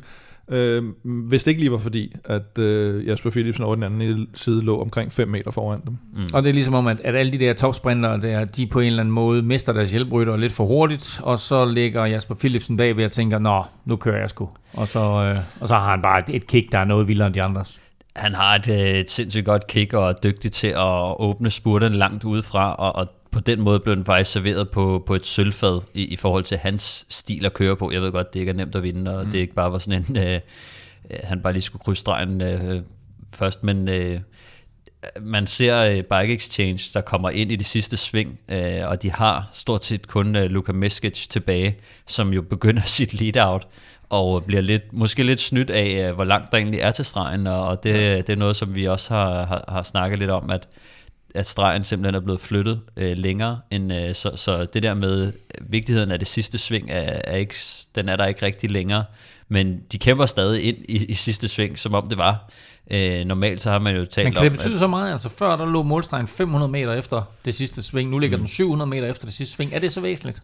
Ja, 750 tror jeg faktisk. Øh, det var i hvert fald det, der også øh, stod øh, på, på øh, skiltene. Øh, men men ja, det betyder rigtig meget. Altså, øh, man, man, en, en hjælperytter øh, kan heller ikke være helt død, når du går ind på de sidste 500 meter, fordi at sprinteren skal jo først åbne på, kan man sige, 250 meter er, er en tidlig, men, men, men 200 meter mm, kan måske også være for sent, så øh, i hvert fald på Champs-Élysées har vi set, så, så når, når man kommer rundt i et sving, så, så trækker det jo feltet ud, øh, og det er jo en væsentlig detalje, altså at, at, at feltet bliver strukket helt ud, men men øh, Luka Meskic, han ligger jo faktisk og bøvler med den i, i rigtig lang tid, og, og slår jo, han, man kan jo se, at han kigger sig tilbage. Som er Kronevæggens holdkammerat. Som er Kronevæggens holdkammerat, og han kigger sig tilbage, og han vil gerne slå ud, men han ved også, det er lidt for tidligt, men han har ikke mere at give af. Ja. Og så ender det med at slå ud, og så går det faktisk et øjeblik, før at Kronevæggen, han åbner sin spurt. Altså han, han ved også godt, det her det er for tidligt, og så til sidst så bliver han bare nødt til at gøre det, for han kan jo ikke tabe farten fordi så kommer de andre bare flyvende. Men er det ikke også, jeg tror også, det er Bike Exchange, der ligesom har en sådan nærmest en hare liggende ude foran, da de kommer igennem sidste sving, hvor man kan se, at han er kommet for langt frem. Ja, ja. Hvis han havde ligget længere tilbage og lige taget lidt ekstra vind for Metcalf, så, så kunne det godt Men være. det han også det, måske- det, var, at du, at du, du kigger jo heller ikke tilbage, eller hvad, altså, når du kommer blæsende ind der, du har, du har et par sving, du skal holde øje med, og det, der er 65 km altså, i timen, det- og det er brosten. Og, Der blev også åbnet godt op øh, på Champs-Élysées. det Ja, altså det, der angreb fra, fra Pogacar og øh, Geraint Thomas og Garner. Det gør jo også, at finalen blev virkelig, virkelig hård, og det, det er jo sådan noget, der gør betingelserne rigtig svære for sprinterholdene at kontrollere det, fordi lige pludselig, så skal de jo bruge nogle af deres lead-out-ryttere til at indhente sådan et, kan man sige, et, et, et, et angreb, som måske ikke er så seriøst, men de bliver nødt til at lugte, altså ellers så, så mister de positioner, og så er der nogen, der kører hjem og vinder og sådan noget, så de blev udfordret, og det ramte altså Bike Exchange hårdt, at øh, de mistede nogle hjælpere, og Kronevæggen blev nødt til at åbne en, en, en alt for lang spurt, øh, som så blev til, til de andres fordel, og især Jesper Philipsen, der, der, der, der kunne vente lidt, og alligevel tænkte, den her, den, er- den ligger lige til mig at åbne den her lange spurt og trække den over ja. den anden side. Og man kan sige, men, mens de andre der, de, de mistede nogle hjælperytter, så mistede uh, Quickstep jo ligesom deres kaptajn igen. De mistede, øh, de mistede det hele der. Fabio Jacobsen, han har været helt whinet efter den der Han bliver, faktisk, han bliver faktisk nummer 13. Jeg tror ikke, de kørte for ham, men uh, han ender med at blive nummer 13. Altså, Ja, ja, ikke, men- ikke, altså, han skal selvfølgelig blande sig i top Ja, 3, ja, men altså, top, top 3 hedder Jesper Philipsen 1, Kronevæggen 2, og så Alexander Kristoff, tidligere vinder på Champs-Élysées, bliver, bliver 3 og super flot. Så bliver Jesper Stuyven 4. Ja. Ja. Og det betyder jo, at Mads P. Øh, knækkede ja. på en eller anden måde har sagt, jeg har den ikke. Ja. Mm. Jamen, den knækkede også over, kunne man se, ikke? Og han, øh, han var ikke en af dem, der sad i den, den første lille, relativt lille gruppe egentlig, der, der kommer afsted, efter at det bliver splittet på, på opløbsstrækningen. Og det tror jeg har meget at gøre med igen det her, som du siger, Stefan, med, med Pogacar og Geraint Thomas og, og Garner, der lige pludselig, hvad er det, 4 km før mål? Mm. De begynder at ligge og lege i hver sin side af vejen, ikke? Det, det bliver en sindssygt hård finale, øh, og jeg tror, der sidder mange sprinterholdene, og dem, som er lidt trætte, der øh, altså, det sidder og tænker, åh oh, nej, altså, de kommer i rød zone øh, for tidligt, altså, og, og skal sidde og lukke huller og kæmpe sig frem i feltet, og det, det bliver i virkeligheden bare, øh, sprinterholdene var ikke i kontrol, øh, kunne man Nej. se i, i finalen, og, øh, og det, det gjorde bare, at de kom til at brænde alle deres kræfter, og sprinterne sad lidt øh, alene, og, og der var stor kamp, så, øh, så, så det blev en lidt anderledes øh, Champs-Élysées sprint, og øh, jeg ved ikke, hvad jeg synes om, øh, om at de har rykket målstregen, altså ja, jeg synes sgu, det var meget fedt at se det der med at komme ind i sidste, sidste øh, sving der, og så vidste man, at man skal sidde i top 5, ellers så, så bliver det rigtig svært, og der var noget, der var noget fedt over det. Øh, det her, det, altså ikke at sige, at det ikke var Men en altså, fed det var jo det var spredt for alle vinde jo. Altså, det, hvad, det, hvad sidder de? Altså 20-25 små grupper, sådan hele vejen ned igennem. Øh, og en af de rytter, som jeg heller ikke nævnte nu her i top 3, som vi måske havde forventet at se det, det var Wout van Aert. Ja. Altså stik imod alle forudsigelser, så vælger han at køre ind nærmest hånd i hånd med Jonas. Øh, de fem ryttere, som Jumbo har tilbage, de kommer ind sådan lige et par minutter efter, at Jasper Philipsen han har krydset øh, stregen. Øh, altså, hvad sker der for, at han lige pludselig er holdspiller? ja, men nej, jeg tror, det, det var de, de, de havde åbenbart valgt. Jeg synes, det virker som om, at der i går, det kunne man jo se på dem alle sammen, at der lettede det der pres bare fuldstændig fra dem. Altså det var som om, at når først du har øh, luftet den ventil ud der, havde han sagt, eller, eller lukket luften ud af ballonen der, så er det svært at, at, at komme ind i det der, den der zone igen, når du ligesom har sagt, okay, nu, øh, nu står vi og, og græder og omfavner hinanden, og sammen med familien, og vi har vundet, og, og van Aert har, havde nærmest dobbelt så mange point som, som nummer to i, øh, i den grønne. Det har han så ikke nu, fordi det var Jesper Philipsen, der lå nummer to. Men han havde rimelig meget øh, buffer der, så ja, jeg, jeg, jeg, også tror, det er svært tænkte at sætte sig op lidt, til. øh, Jeg sad også og tænkte lidt på, måske er han blevet lidt træt. Altså, Det- det tog 20 dage, men så blev han træt. sindssyge, øh, tog, der han har brugt. Og så, altså, man kan, øh, han, han droppede jo også øh, 19 etape, ikke? Og der kan man sige, okay, han, måske sparer han sig her for at gå efter enkeltstarten, så vinder han den. Og så er det sådan, okay, altså jeg, jeg tror virkelig også, at, øh, at han, er, han kan mærke stængerne og tænke, okay, hvor meget mere kan, kan jeg holde til? Fordi nu, lige pludselig så går han også op imod øh, folk, som har altså, prøvet at spare så mange kræfter som muligt for at sprinte med, og han ved også godt, at han, han er ikke den hurtigste sprinter, hvis de kommer ind til et rigtigt sprinteropgør, så på en eller anden måde tror jeg, han har tænkt, ah, øh, sådan en, altså hvad, der realistisk måske vil være en tredjeplads, altså selvfølgelig er der chance for, at han vil vinde, han har jo gjort det før, sjovt Ja. nok, men, men alligevel med, med, med den måde, han har brugt sine kræfter på, så tror jeg måske også, han selv har tænkt, så store er chancerne heller ikke. Måske skal vi Jeg synes, det her. det, det var et fedt syn af de fem jumbo-rytter, der Jeg synes godt, man kunne have krævet lidt mere af ham. Altså, det er lidt sløjt. at Han lige, jeg har ikke rigtig lavet noget i løbet af turen, ja, tænker jeg. Så. Nå, men altså, Champs-Élysées, øh, kongen af Champs-Élysées i år blev øh, Jasper Philipsen, og det betyder jo så, at øh, Tour de France 2022 er, er slut, og at vi kender det endelige klassement, og at vinderen er dansk, og øh, hele den samlede stilling, den får du lidt senere. Men øh, først, der skal vi lige have trukket lod om en øh, Europa Cup, fordi øh, det er den øh, op, op og lidt ekstra øh, goodies her, fordi det er jo øh, vores øh, sidste Tour de France udsendelse, og dermed også sidste gang, at vi har både en Europa Cup, det her spil, der hedder Pro Cycling Quiz, og så altså fire øl fra, øh, fra People Like Us, et, sådan et cykeløl, og vi skal have fundet vinderen, Stefan, af vores øh, sidste turpakke. Det skal vi, øh, og først vil jeg lige sige, at øh, nogle af de, de sidste to, vi har trukket, de, øh, de er lige forsinket, men de, er, de skal nok komme ud. Mm. Men vinderen i dag af den her lækre præmie, det er Jeppe Glendstrup, som har været med os i et års tid, lidt over et år faktisk, og har smidt en 10'er, så, så det, er også, det er vi også meget taknemmelige for. Mega fedt, Jeppe. Tusind tak, fordi du støtter, og stort tillykke selvfølgelig med den her turpakke, øl, spil og naturligvis en Europa Cup. Og kunne du godt tænke dig at deltage i vores fremtidige løgtræk, trækninger, så gør du det ved at støtte os på tier.dk. Beløbet er valgfrit, og vi gør det jo på den måde, at øh, for hver 5 du donerer, der får du et lod i puljen, så altså jo flere øh, mønter du kaster i puljen, jo flere lodder får du, og dermed altså også større chance for at øh, vinde en af vores præmier. Du finder link både på velropa.dk og på tier.dk. Mange tak for støtten til alle, og stort tillykke til Jeppe. Jeg giver topkarakter til alle, der støtter på tier.dk, men nu, de her, skal vi have uddelt karakterer til de danske ryttere, og nok også en enkelt eller to topkarakterer. Der var 176 øh, ryttere til start i års Tour de France, kun 135 gennemførte. 41 rytter måtte opgive eller blev offer for corona, eller sågar et par stykker for tidsgrænsen undervejs. Af de 10 startende danskere, der kom 6 helt til Paris. Vi fik faktisk et dejligt billede af de 6 lige i starten af etappen.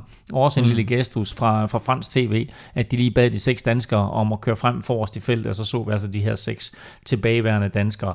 Men lad os lige give alle 10 danske ryttere øh, karakterer øh, efter de sidste tre uger. Vi tager dem i alfabetisk rækkefølge, og vi bruger den nye 12-skala. Hvad den hedder ikke 12-skala, hvad kalder man den? Den hedder sådan noget fa- fancy. Ingen idé Nej, om det. Et andet, det ved jeg faktisk ikke. Nej, men uh, højeste karakter 12, laveste karakter minus 3, og alfabetisk, der lægger vi ud med Kasper Askren.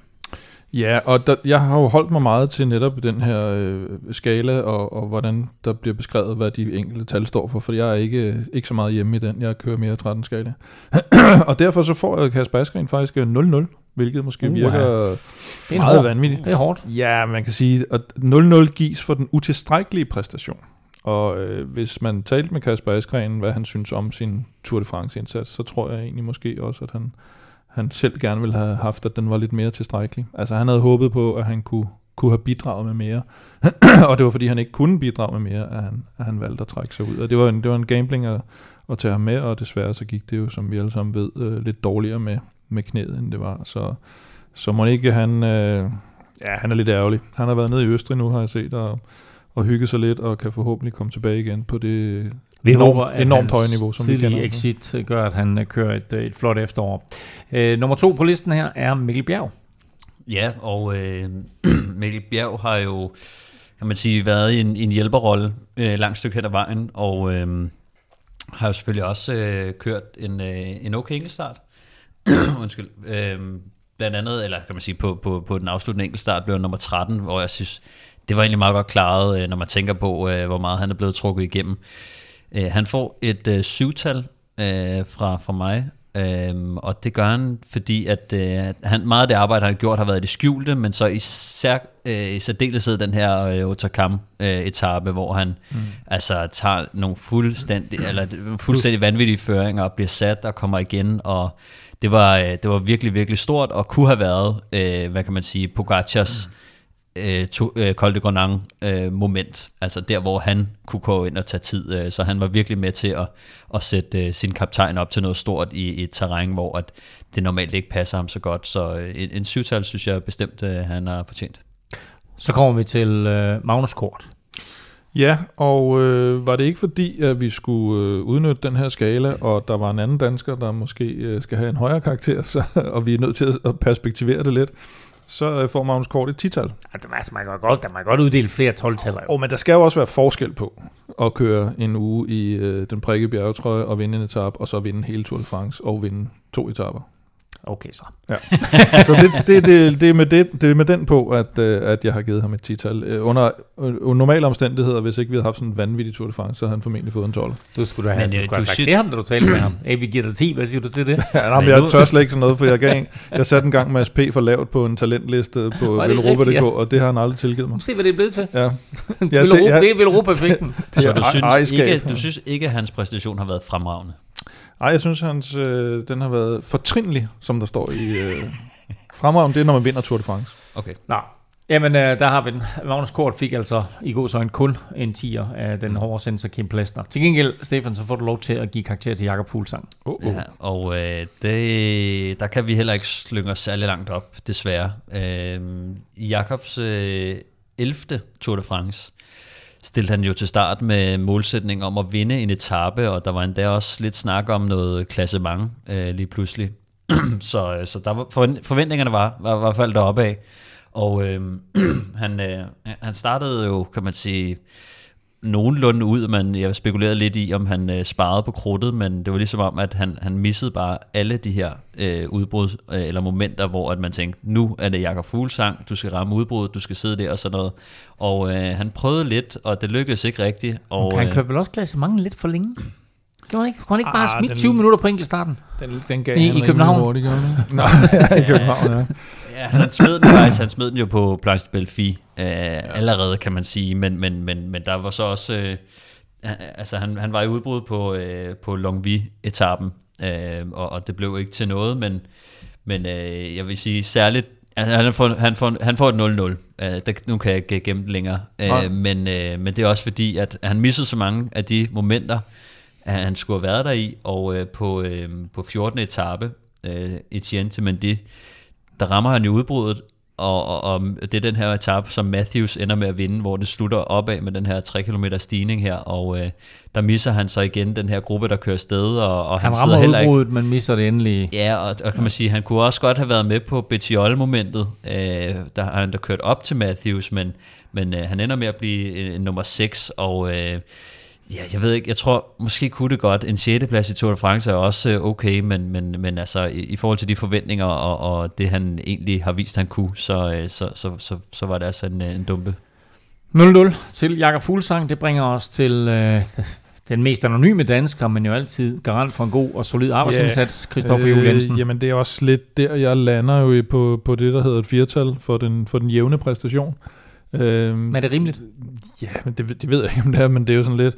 Han falder jo ikke på nogen måde igennem, men han laver heller ikke noget spektakulært, kan man sige, øh, eller, eller har en eller anden speciel rolle i det her løb, men øh, du ved, hvad du får, og, du, og han, øh, han, han er der altid, og, og god holdkammerat og så videre. Så jeg tænker, at firtal på den her skala, det er sådan nogenlunde i midten. Jeg tror, han bliver straffet for at være for anonym her. Jeg tror, at øh, hvis du spørger hans holdkammerater, så giver de ham en højere karakter. jeg skal ikke blande mig det i jeres karakterer, det her. Mikkel Honoré, TV-seriens karakter. Mikkel Honoré øh, kørte til første Tour de France og øh, har været på, på Quickstep-holdet, som jeg havde en, en, en tydelig agenda om, at øh, det var Fabio Jacobsen. Øh, det handlede om meget af det, og øh, han har opsøgt nogle udbrud og, og også været i, i tre udbrud hvor det desværre ikke øh, blev til noget, men, øh, men han har vist fladet, synes jeg, og, øh, og han har været, været hjælper for, øh, for Fabio Jacobsen. Øh, så en, et firtal, synes jeg, er, er fint. Altså det, han var ikke anonym i det her cykelløb, og han faldt ikke igennem. Øh, men, men det er også måske et lidt højere niveau, og, og det, der synes jeg egentlig, han øh, en 25-årig øh, dreng, øh, som, som kører sit første Tour de France, øh, der, der synes jeg, han kommer fint igennem. Så et, et firtal til ham. Så kommer vi til øh, endnu en debutant i tursammenhæng, nemlig Andreas Kron. Ja, han får lige et nykke af. Han, øh, jeg giver ham en syver. og, øh, og det er fordi, man kan sige, han kørte måske lidt ala Honoré, kom med i nogle udbrud, øh, var relativt aktiv, synes man, og øh, han hjalp også en del øh, holdkammeraterne. Ikke at øh, de fik så meget ud af det.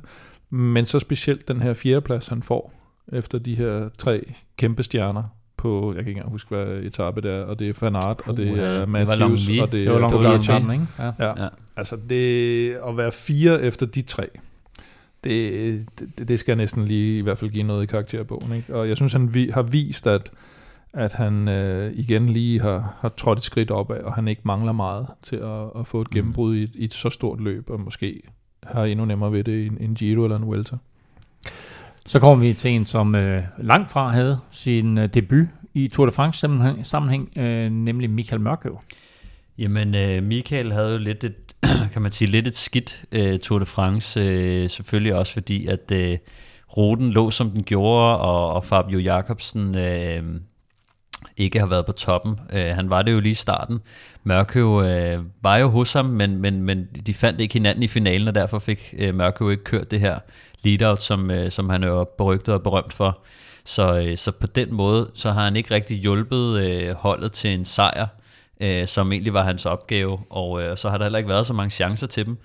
Så jeg, jeg vil ikke jeg vil ikke dumpe ham, øh, selvom øh, det, det kunne måske godt have været, øh, fordi at, øh, men, men fordi han har været der så meget for Fabio Jacobsen øh, og støttet ham og været med til at regne på, øh, på, på tidsgrænsen øh, og, og, og guidet ham rigtig langt hen i løbet.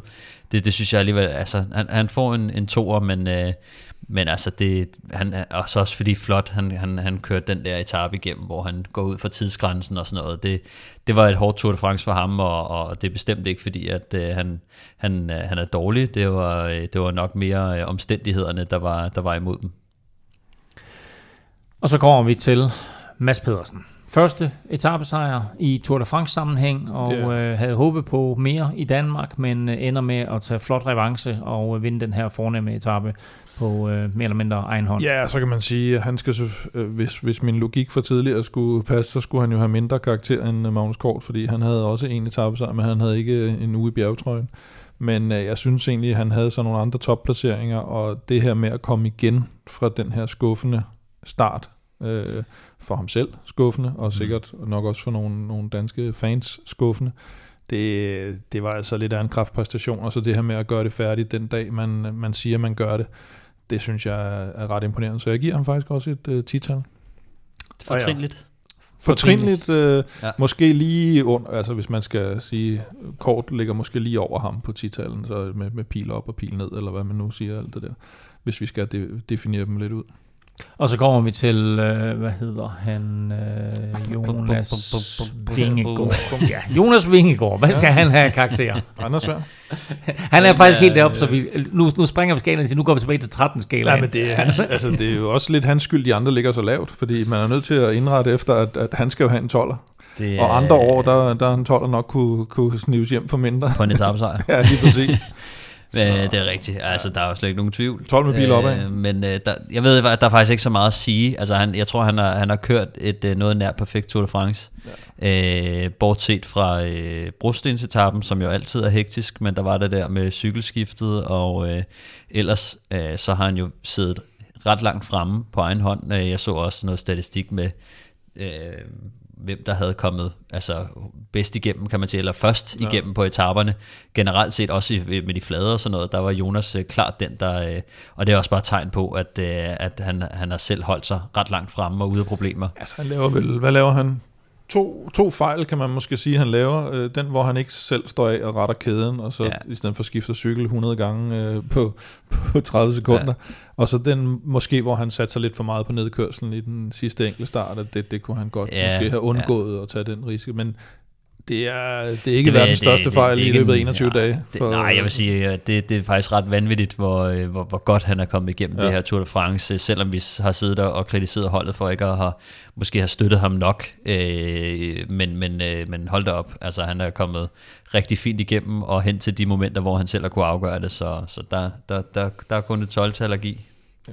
Og det er kun fordi skalaen kun øh, går til 12. Øh, stensikkert topkarakter til Jonas Vingegaard en gul trøje, sejr i Tour de France. Altså vildere bliver det jo ikke. Vil Europa Podcast præsenteres i samarbejde med Odset fra Danske Licensspil. Tour de France har forladt dansk jord, men du kan som altid finde Vel Europa Specials hos Odset til alle Tour de France-etaperne. Husk, at du skal være minimum 18 år og spille med omtanke. Har du brug for hjælp til spilafhængighed, så kontakt Spillemyndighedens hjælpelinje Stop Spillet eller udluk dig via Rufus. Regler og vilkår gælder. Som lovet får du her stillingen, som den ender i Tour de France 2022, hvor der skønt, dejligt, smukt er rødt og hvidt i gult på toppen. Jonas Vingegaard vinder Tour de France, og det gør han med 2.43 ned til Tadej Pogacar, og det er altså kun fordi øh, Jonas øh, triller i mål, sådan cirka et minut efter vinderen i dag. Øh, Grant Thomas 7.22 efter David Gody, din helt der. Kim bliver mm. bedste franskmand. Et øh, lille gennembrud for ham i Tour de France sammenhæng.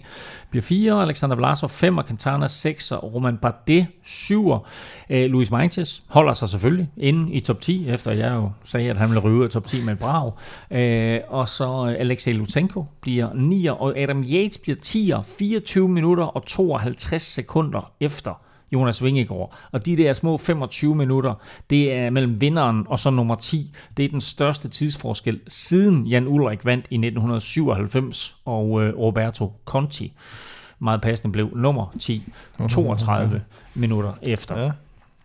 Øh, den prikkede trøje, den napper Vingegaard også. Den grønne, øh, den får Wout van Aert med flest point siden André Darigat i 1959. Øh, Tadej Pogacar tager ungdomstrøjen for tredje år i træk. Dermed så tangerer han Andy Slick og Jan Ulrik, som vi vist havde med i en quiz her for ikke så længe siden. Øh, og han kan, han kan næste år, der kan han blive den eneste med fire hvide trøjer i øh, karrieren. Øh, holdkonkurrencen, som du nævnte tidligere, Stefan, bliver vundet af Ineos. Og sidst men ikke mindst, årets mest angrebsivrige gik til ingen ringere end Wout van Aert. Og han stak af i dag som det allerførste på den her er Champs-Élysées-etappe helt ude i La Défense. Ja, lige efter kilometer 0, så stikker han af med Pogacar på hjul. Og det, det sjove var, at, Det- det var nemlig sjovt. at Vingegaard, han er sådan lidt... Hvad fanden sker der? Jeg, jeg, jeg, er på en eller anden måde nødt til at køre med. Og Gæske, der også lå på linjen, han... han sagde, Gæske opgav. Gæske opgav, men. Vingegaard, altså han... Man kan godt se, at han havde lidt tør mund der. Og så lidt, jeg er nødt til at komme med på den der. Hvad, hvad nu? Så, men øh, nej, det endte heldigvis bare med, at øh, de lå og hyggede sig derude og smile lidt til hinanden, og selvfølgelig fik den øh, klassiske champagneskål.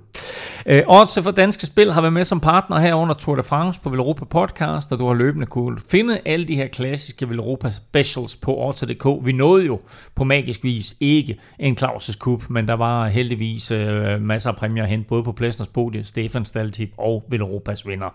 Og så har du gennem hele Tour de France gratis kunne spille med i Odds-quizzen, hvor du kunne vinde, du kunne vinde de førende trøjer til uh, Tour de France, og uh, vi skal have fundet to vinder, præcis ligesom vi altså gjorde på Champs-Élysées i dag. Vi fandt en vinder af spurten, og vi fandt en vinder af hele turen, og uh, vi satte jo altså også en turkonkurrence i gang for uh, tre uger siden.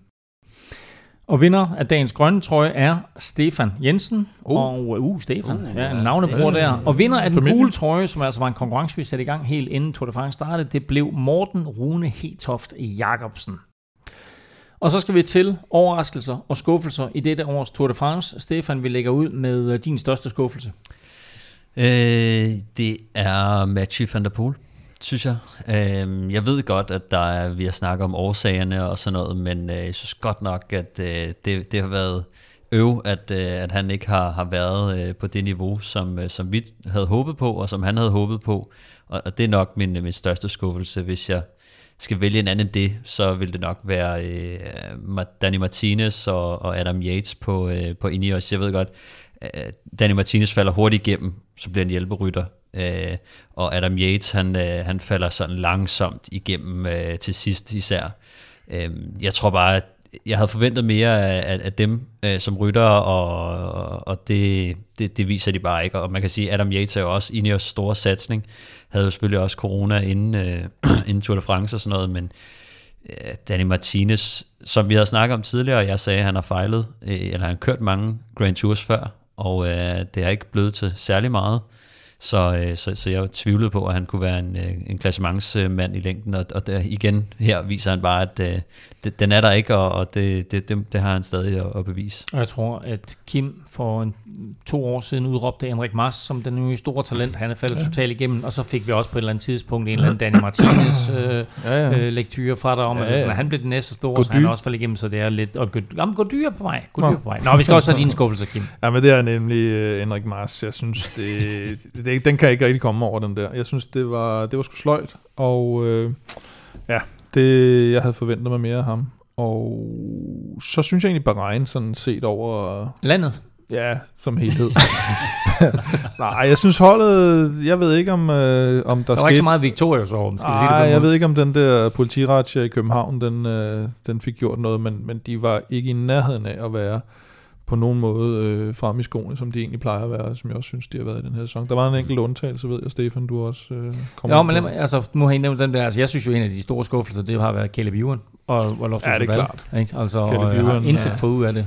Nej, det, og det, det har jeg faktisk også tænkt meget over, men, men fordi at nogle gange med, med sprinter, og, og specielt ham, som øh, har været overladt til sig selv meget i finalerne, det, det, er bare, det er bare super svært, og han har ikke haft heldet med sig, og vi så, hvor vild han var på øh, brostensetappen, og øh, hvad han ender med at styrte, ja, ja. og det ved, så Altså han er blevet lukket ind i nogle spurter, og, og han har styrtet, og, øh, og så, så, så lykkes det bare ikke. Det er svært som sprinter, specielt i det her års mm. Tour de France, hvor der ikke er særlig mange chancer. Mm. Det kan nemt blive til ingenting. Øh, så, så på den måde synes jeg, han var lidt skånet, selvom jeg selvfølgelig også havde regnet med, og synes, han er, han er en fantastisk sprinter, så, øh, så, så, så, ja, så, så kan jeg bedre forstå, at han ikke øh, var der på den måde. Andreas Kron sagde i går til øh, TV2, at de var kommet ind med ambitioner om to sejre som hold, og Kelly Ewan faktisk selv var kommet ind med ambitioner om tre sejre, så det, er, det, det må man i hvert fald ikke var de enige i holdet. Der var lidt, der, der var lidt diskrepans. Øh, vi skal have de største overraskelser. Stefan? Jamen, øh, altså der er jo et par stykker, men en af dem, som jeg øh, bliver nødt til at nævne, øh, selvom han faktisk ikke har, har vundet noget, det er ham her, Fred Wright, mm. der øh, har imponeret øh, på, på mange måder, bare generelt med sin styrke. Altså, øh, han, øh, han sad, sad sammen med Mads, da Mads vinder. Ja, han blev basket af Mads selvfølgelig, øh, da, da han vinder sin etape, og de sidder der i udbrud tre mand til sidst. Øh, men generelt øh, har været i nogle udbrud, og har været i nogle momenter, og kørt, kørt en god enkeltstart til sidst, og tidligere i år øh, blev han syver i Flandern rundt og sådan noget. Det var bare sådan en mand, som virkelig kom ind på min radar, øh, og, og virkelig viser sådan, altså han kan sgu køre lidt op Han kan lidt af det hele, og virker mm. bare som en rigtig stærk rytter, som, som jeg tror, vi skal forvente os øh, meget mere af øh, i fremtiden. Kim? Jamen, øh, jeg har lidt frækt taget min øh, største overraskelse som øh, Wout van Aert. Nå. Og øh, ikke fordi jeg troede, at Wout van Aert var en dårlig cykelrytter, men det niveau og den mængde af præstationer, han har lavet, har jo været helt ja, af en anden ja. verden. Altså, jeg, har, jeg tror simpelthen aldrig næsten, jeg har set noget lignende. Nu du har også hørt, ikke, da, vi havde Bjørn Ries igennem i torsdag, så at, at du ved, han, ja, sådan, det, altså, det var først, da vi begyndte at snakke for Wout van Aert, han virkelig levede op. Ja, men det er, det er, sgu, det er sgu godt nok sindssygt. Altså, jeg, jeg har jo ikke uh, rigtig set uh, hverken Ino eller, eller Eddie Merckx i, i aktion sådan, sådan live. Men, uh, men det her, det var da noget af det nærmeste, man kommer noget, noget kanibalagtigt i hvert fald. Og det er også sjovt, ikke? At, at, og jeg ved ikke, om, om det har noget med det at gøre, men altså nu, nu er der talt så meget om Remco, det er der selvfølgelig også i de belgiske medier, om at han er den nye Eddie Merckx, og så har Wout van Aert lige sagt, okay, altså inden det bliver Remcos tur, skal vi så ikke lige gøre det til Wout van Aerts tur? Jo, og, og Van Aert har jo mere, du, har jo mere duelleret mod uh, Mathieu van der Poel egentlig, som, Præcis, uh, som de to, ja. både for cross, men også den, den, de ryttertyper, de er, og der har han altså også overhalet, uh, ikke fordi igen, uh, van der Poel er jo en verdensklasse rytter, men med det Tour de France, han har præsteret her, og det Tour de France, han præsterede sidste år, hvor han jo vinder Ventoux, enkeltstart, Champs-Élysées. Mm. Ja, ja. Altså, så bliver du ikke meget mere allround. Men ved du, hvad der er skøreste af det hele? Det allerskøreste. Altså, han har stadig flere andenpladser, end han har sagt. det er godt nok vildt. Og det er jo, det er jo lidt sjovt, men altså, når man har set, hvor mange andenpladser, at han har i, i ja. professionel cykling, det er vanvittigt. Altså, jeg ved jo, at han har vundet meget, men den mængde andenpladser, han også har, det ja, crosser det jo endnu Det var også noget med, at i uh, altså, uh, tre etapper inden i Tour de France, ikke, der havde han ikke dårligere end en tredje plads hele året. Altså, noget, noget, 2 og 2 2 Nå, ja, i Tour de altså, France, ja, men altså, hvad hedder det, men det var sådan noget med, at i, de ja, to, to løb, han har kørt hele året, ja, der var han ikke blevet dårligere end nummer tre, så, ja. så helt vanvittigt. Uh, andre, vi skal, uh, andre vi er imponeret over, vil jeg sige. Ja, det er der. Og der er Quinn Simmons, fra, øh, fra Trek. Med og uden skæg. Med og uden skæg, ja. Og øh, han var bedre med skæg, synes jeg faktisk. Men, øh, det er sjovt, ikke? Altså, han, han ligner jo en, en, en garvet cykelrytter med skæg. Ja. Så tager han det der af, så kan man jo se, at han går 21. Ja. Altså, så har han også den der ørering der, der også sendt lidt piratagtigt ud, synes jeg. Det kan du godt lige give ham lige et par år. Ej, det synes jeg, han, øh, han har fandme også og kørt offensivt og med power, og ham skal vi nok mm. få at se. Gody selvfølgelig. Øh, ret, når når Mars ikke kan, så kan Gody. Nå, jamen, altså, det, det, det mest sammenhængende, vi har set fra hans side i hvert fald. Ikke? Han, han har sgu ind og overtage den her Thibaut Pinot-rolle, mm. på, øh, både i, i franskmændenes hjerter og, og på øh, Francis Descheux. Og så øh, Israel, øh, synes jeg jo, altså i, selve Israel-holdet, øh, med, med to meget markante etappesejre, Simon Clark øh, på brosten, og så den her Hugo Ull fantastiske mm. historie, mm. Øh, hvor han også vinder. Det synes jeg, og så er jeg enig med, med Stefan i Fred Wright i øvrigt, altså mm. som undtagelsen på, på Bahrein-holdet. Mm. Jeg har en øh, mand som øh, Thomas Pitcock, som øh, altså jeg havde regnet, eller jeg havde, jeg havde jeg, vi ved, at han er god, men øh, der har hele tiden været den her, for mig i hvert fald, kan han også køre klassement i, øh, i en Grand Tour, og det synes jeg, vi fik øh, svar på i år. At, øh, Ja, det kan han ikke. Ja, det kan han ikke. Ej, jeg, jeg vil sige, øh, han, han sad jo i den der lidt øh, utaknemmelige rolle på et tidspunkt, ikke? hvor at, øh, han var tredje bedst i klassementet, Danny Martinez var ude, men han skulle også være hjælperytter, og øh, den etape, hvor han vinder til Alpe d'Huez, øh, der, der viser han virkelig, hvor stærk ja. han er, og han, har- han har ligget inde i top 10 langt stykke hen ad vejen, øh, falder selvfølgelig lidt ud til sidst, øh, men altså, øh, der, er- der, er en, altså der, der er en ung mand der, der, øh, der bliver spændende at følge, lidt, øh, lidt ligesom Remco, synes jeg, han er sådan et øh, fænomen, som, øh, som vi bare venter på at se, Ja. øh, hvornår han skal ind og levere en, en stor Grand Tour, de to er jo, er jo en, øh, nærmest samme alder, ikke? Så, øh, så en 22-årig Britte, der, der lige pludselig øh, måske godt kunne have kørt en top 10 i Tour de France, øh, i sit første Tour de France, øh, hvis, hvis det var det fokus, han havde, men, øh, men det skiftede jo lidt øh, til sidst. Men øh, ja, dybt imponeret over, at, at han også kan køre øh, i klassement og bjerge. Og dermed øh, er vi mere eller mindre færdige med herrenes øh, Tour de France. Vi har fået delt karakterer til de danske ryttere, og vi har kigget på skuffelser og overraskelser, og også lige talt lidt kort om, hvem vi er imponeret over. Men Tour de France er jo langt fra færdigt i år, fordi i dag der gik kvindernes Tour de France i gang. Og øh, det er i år ikke bare sådan en hyggetur på Champs-Élysées, nej, det er faktisk et løb på otte etaper, men kvinderne kørte faktisk på Champs-Élysées i dag. Det var deres første etape, og de øh, færdiggjorde den, inden herrerne kom ind, heldigvis, kan man sige. øhm, vinder blev øh, Lorena Vibes fra øh, Team øh, DSM, øh, og det gjorde hun øh, meget, meget, meget flot spurt, der faktisk mindede lidt om den måde, som øh, herrenes spurt blev afgjort på, at øh, der var nogle sprinter, der kørte deres eget løb, og så kørte Lorena Vibes sit helt eget løb, og slog alle de andre. Så øh, hun vinder altså foran Marianne Foss og med Lotte Kopecky på tredjepladsen, og så blev Emma Norsgaard øh, femmer her på den øh, første etape i øh, Tour de France sammenhæng for kvinder i nyere tid.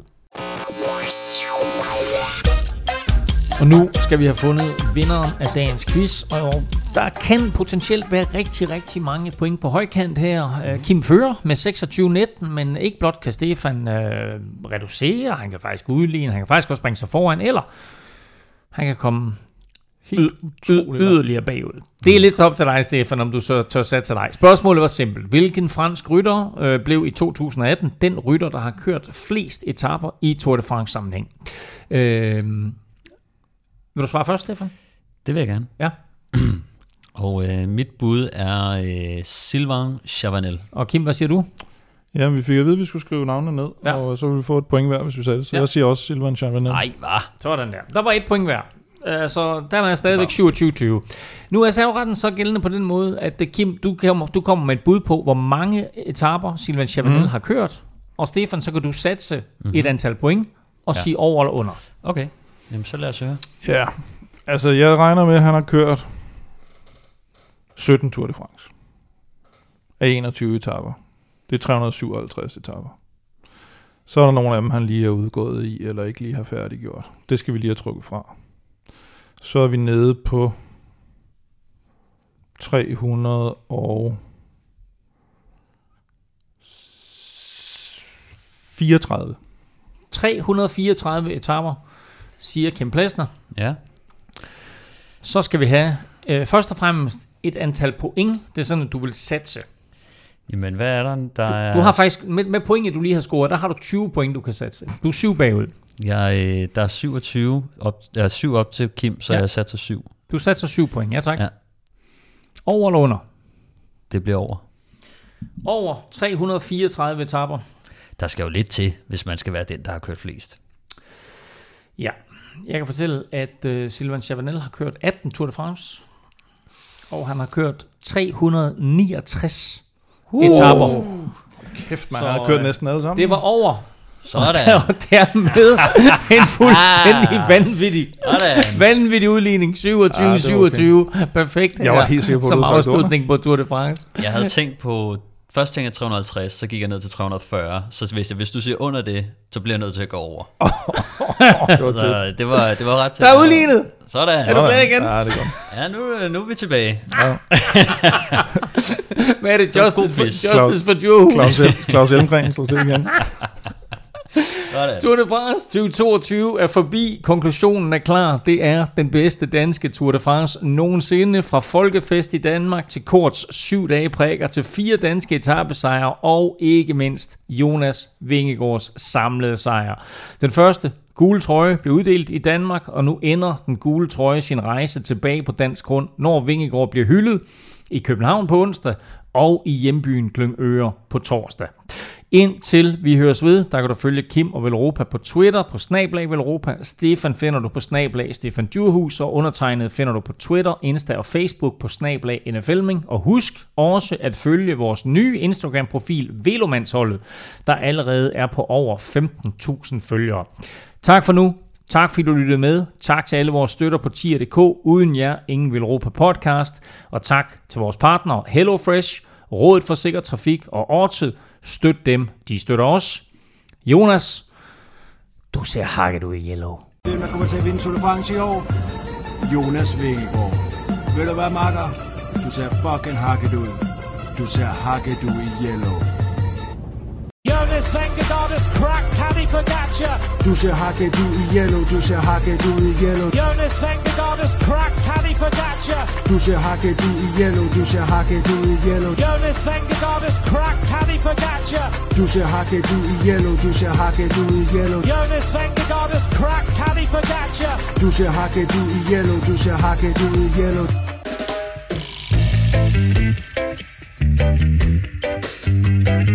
Thank you.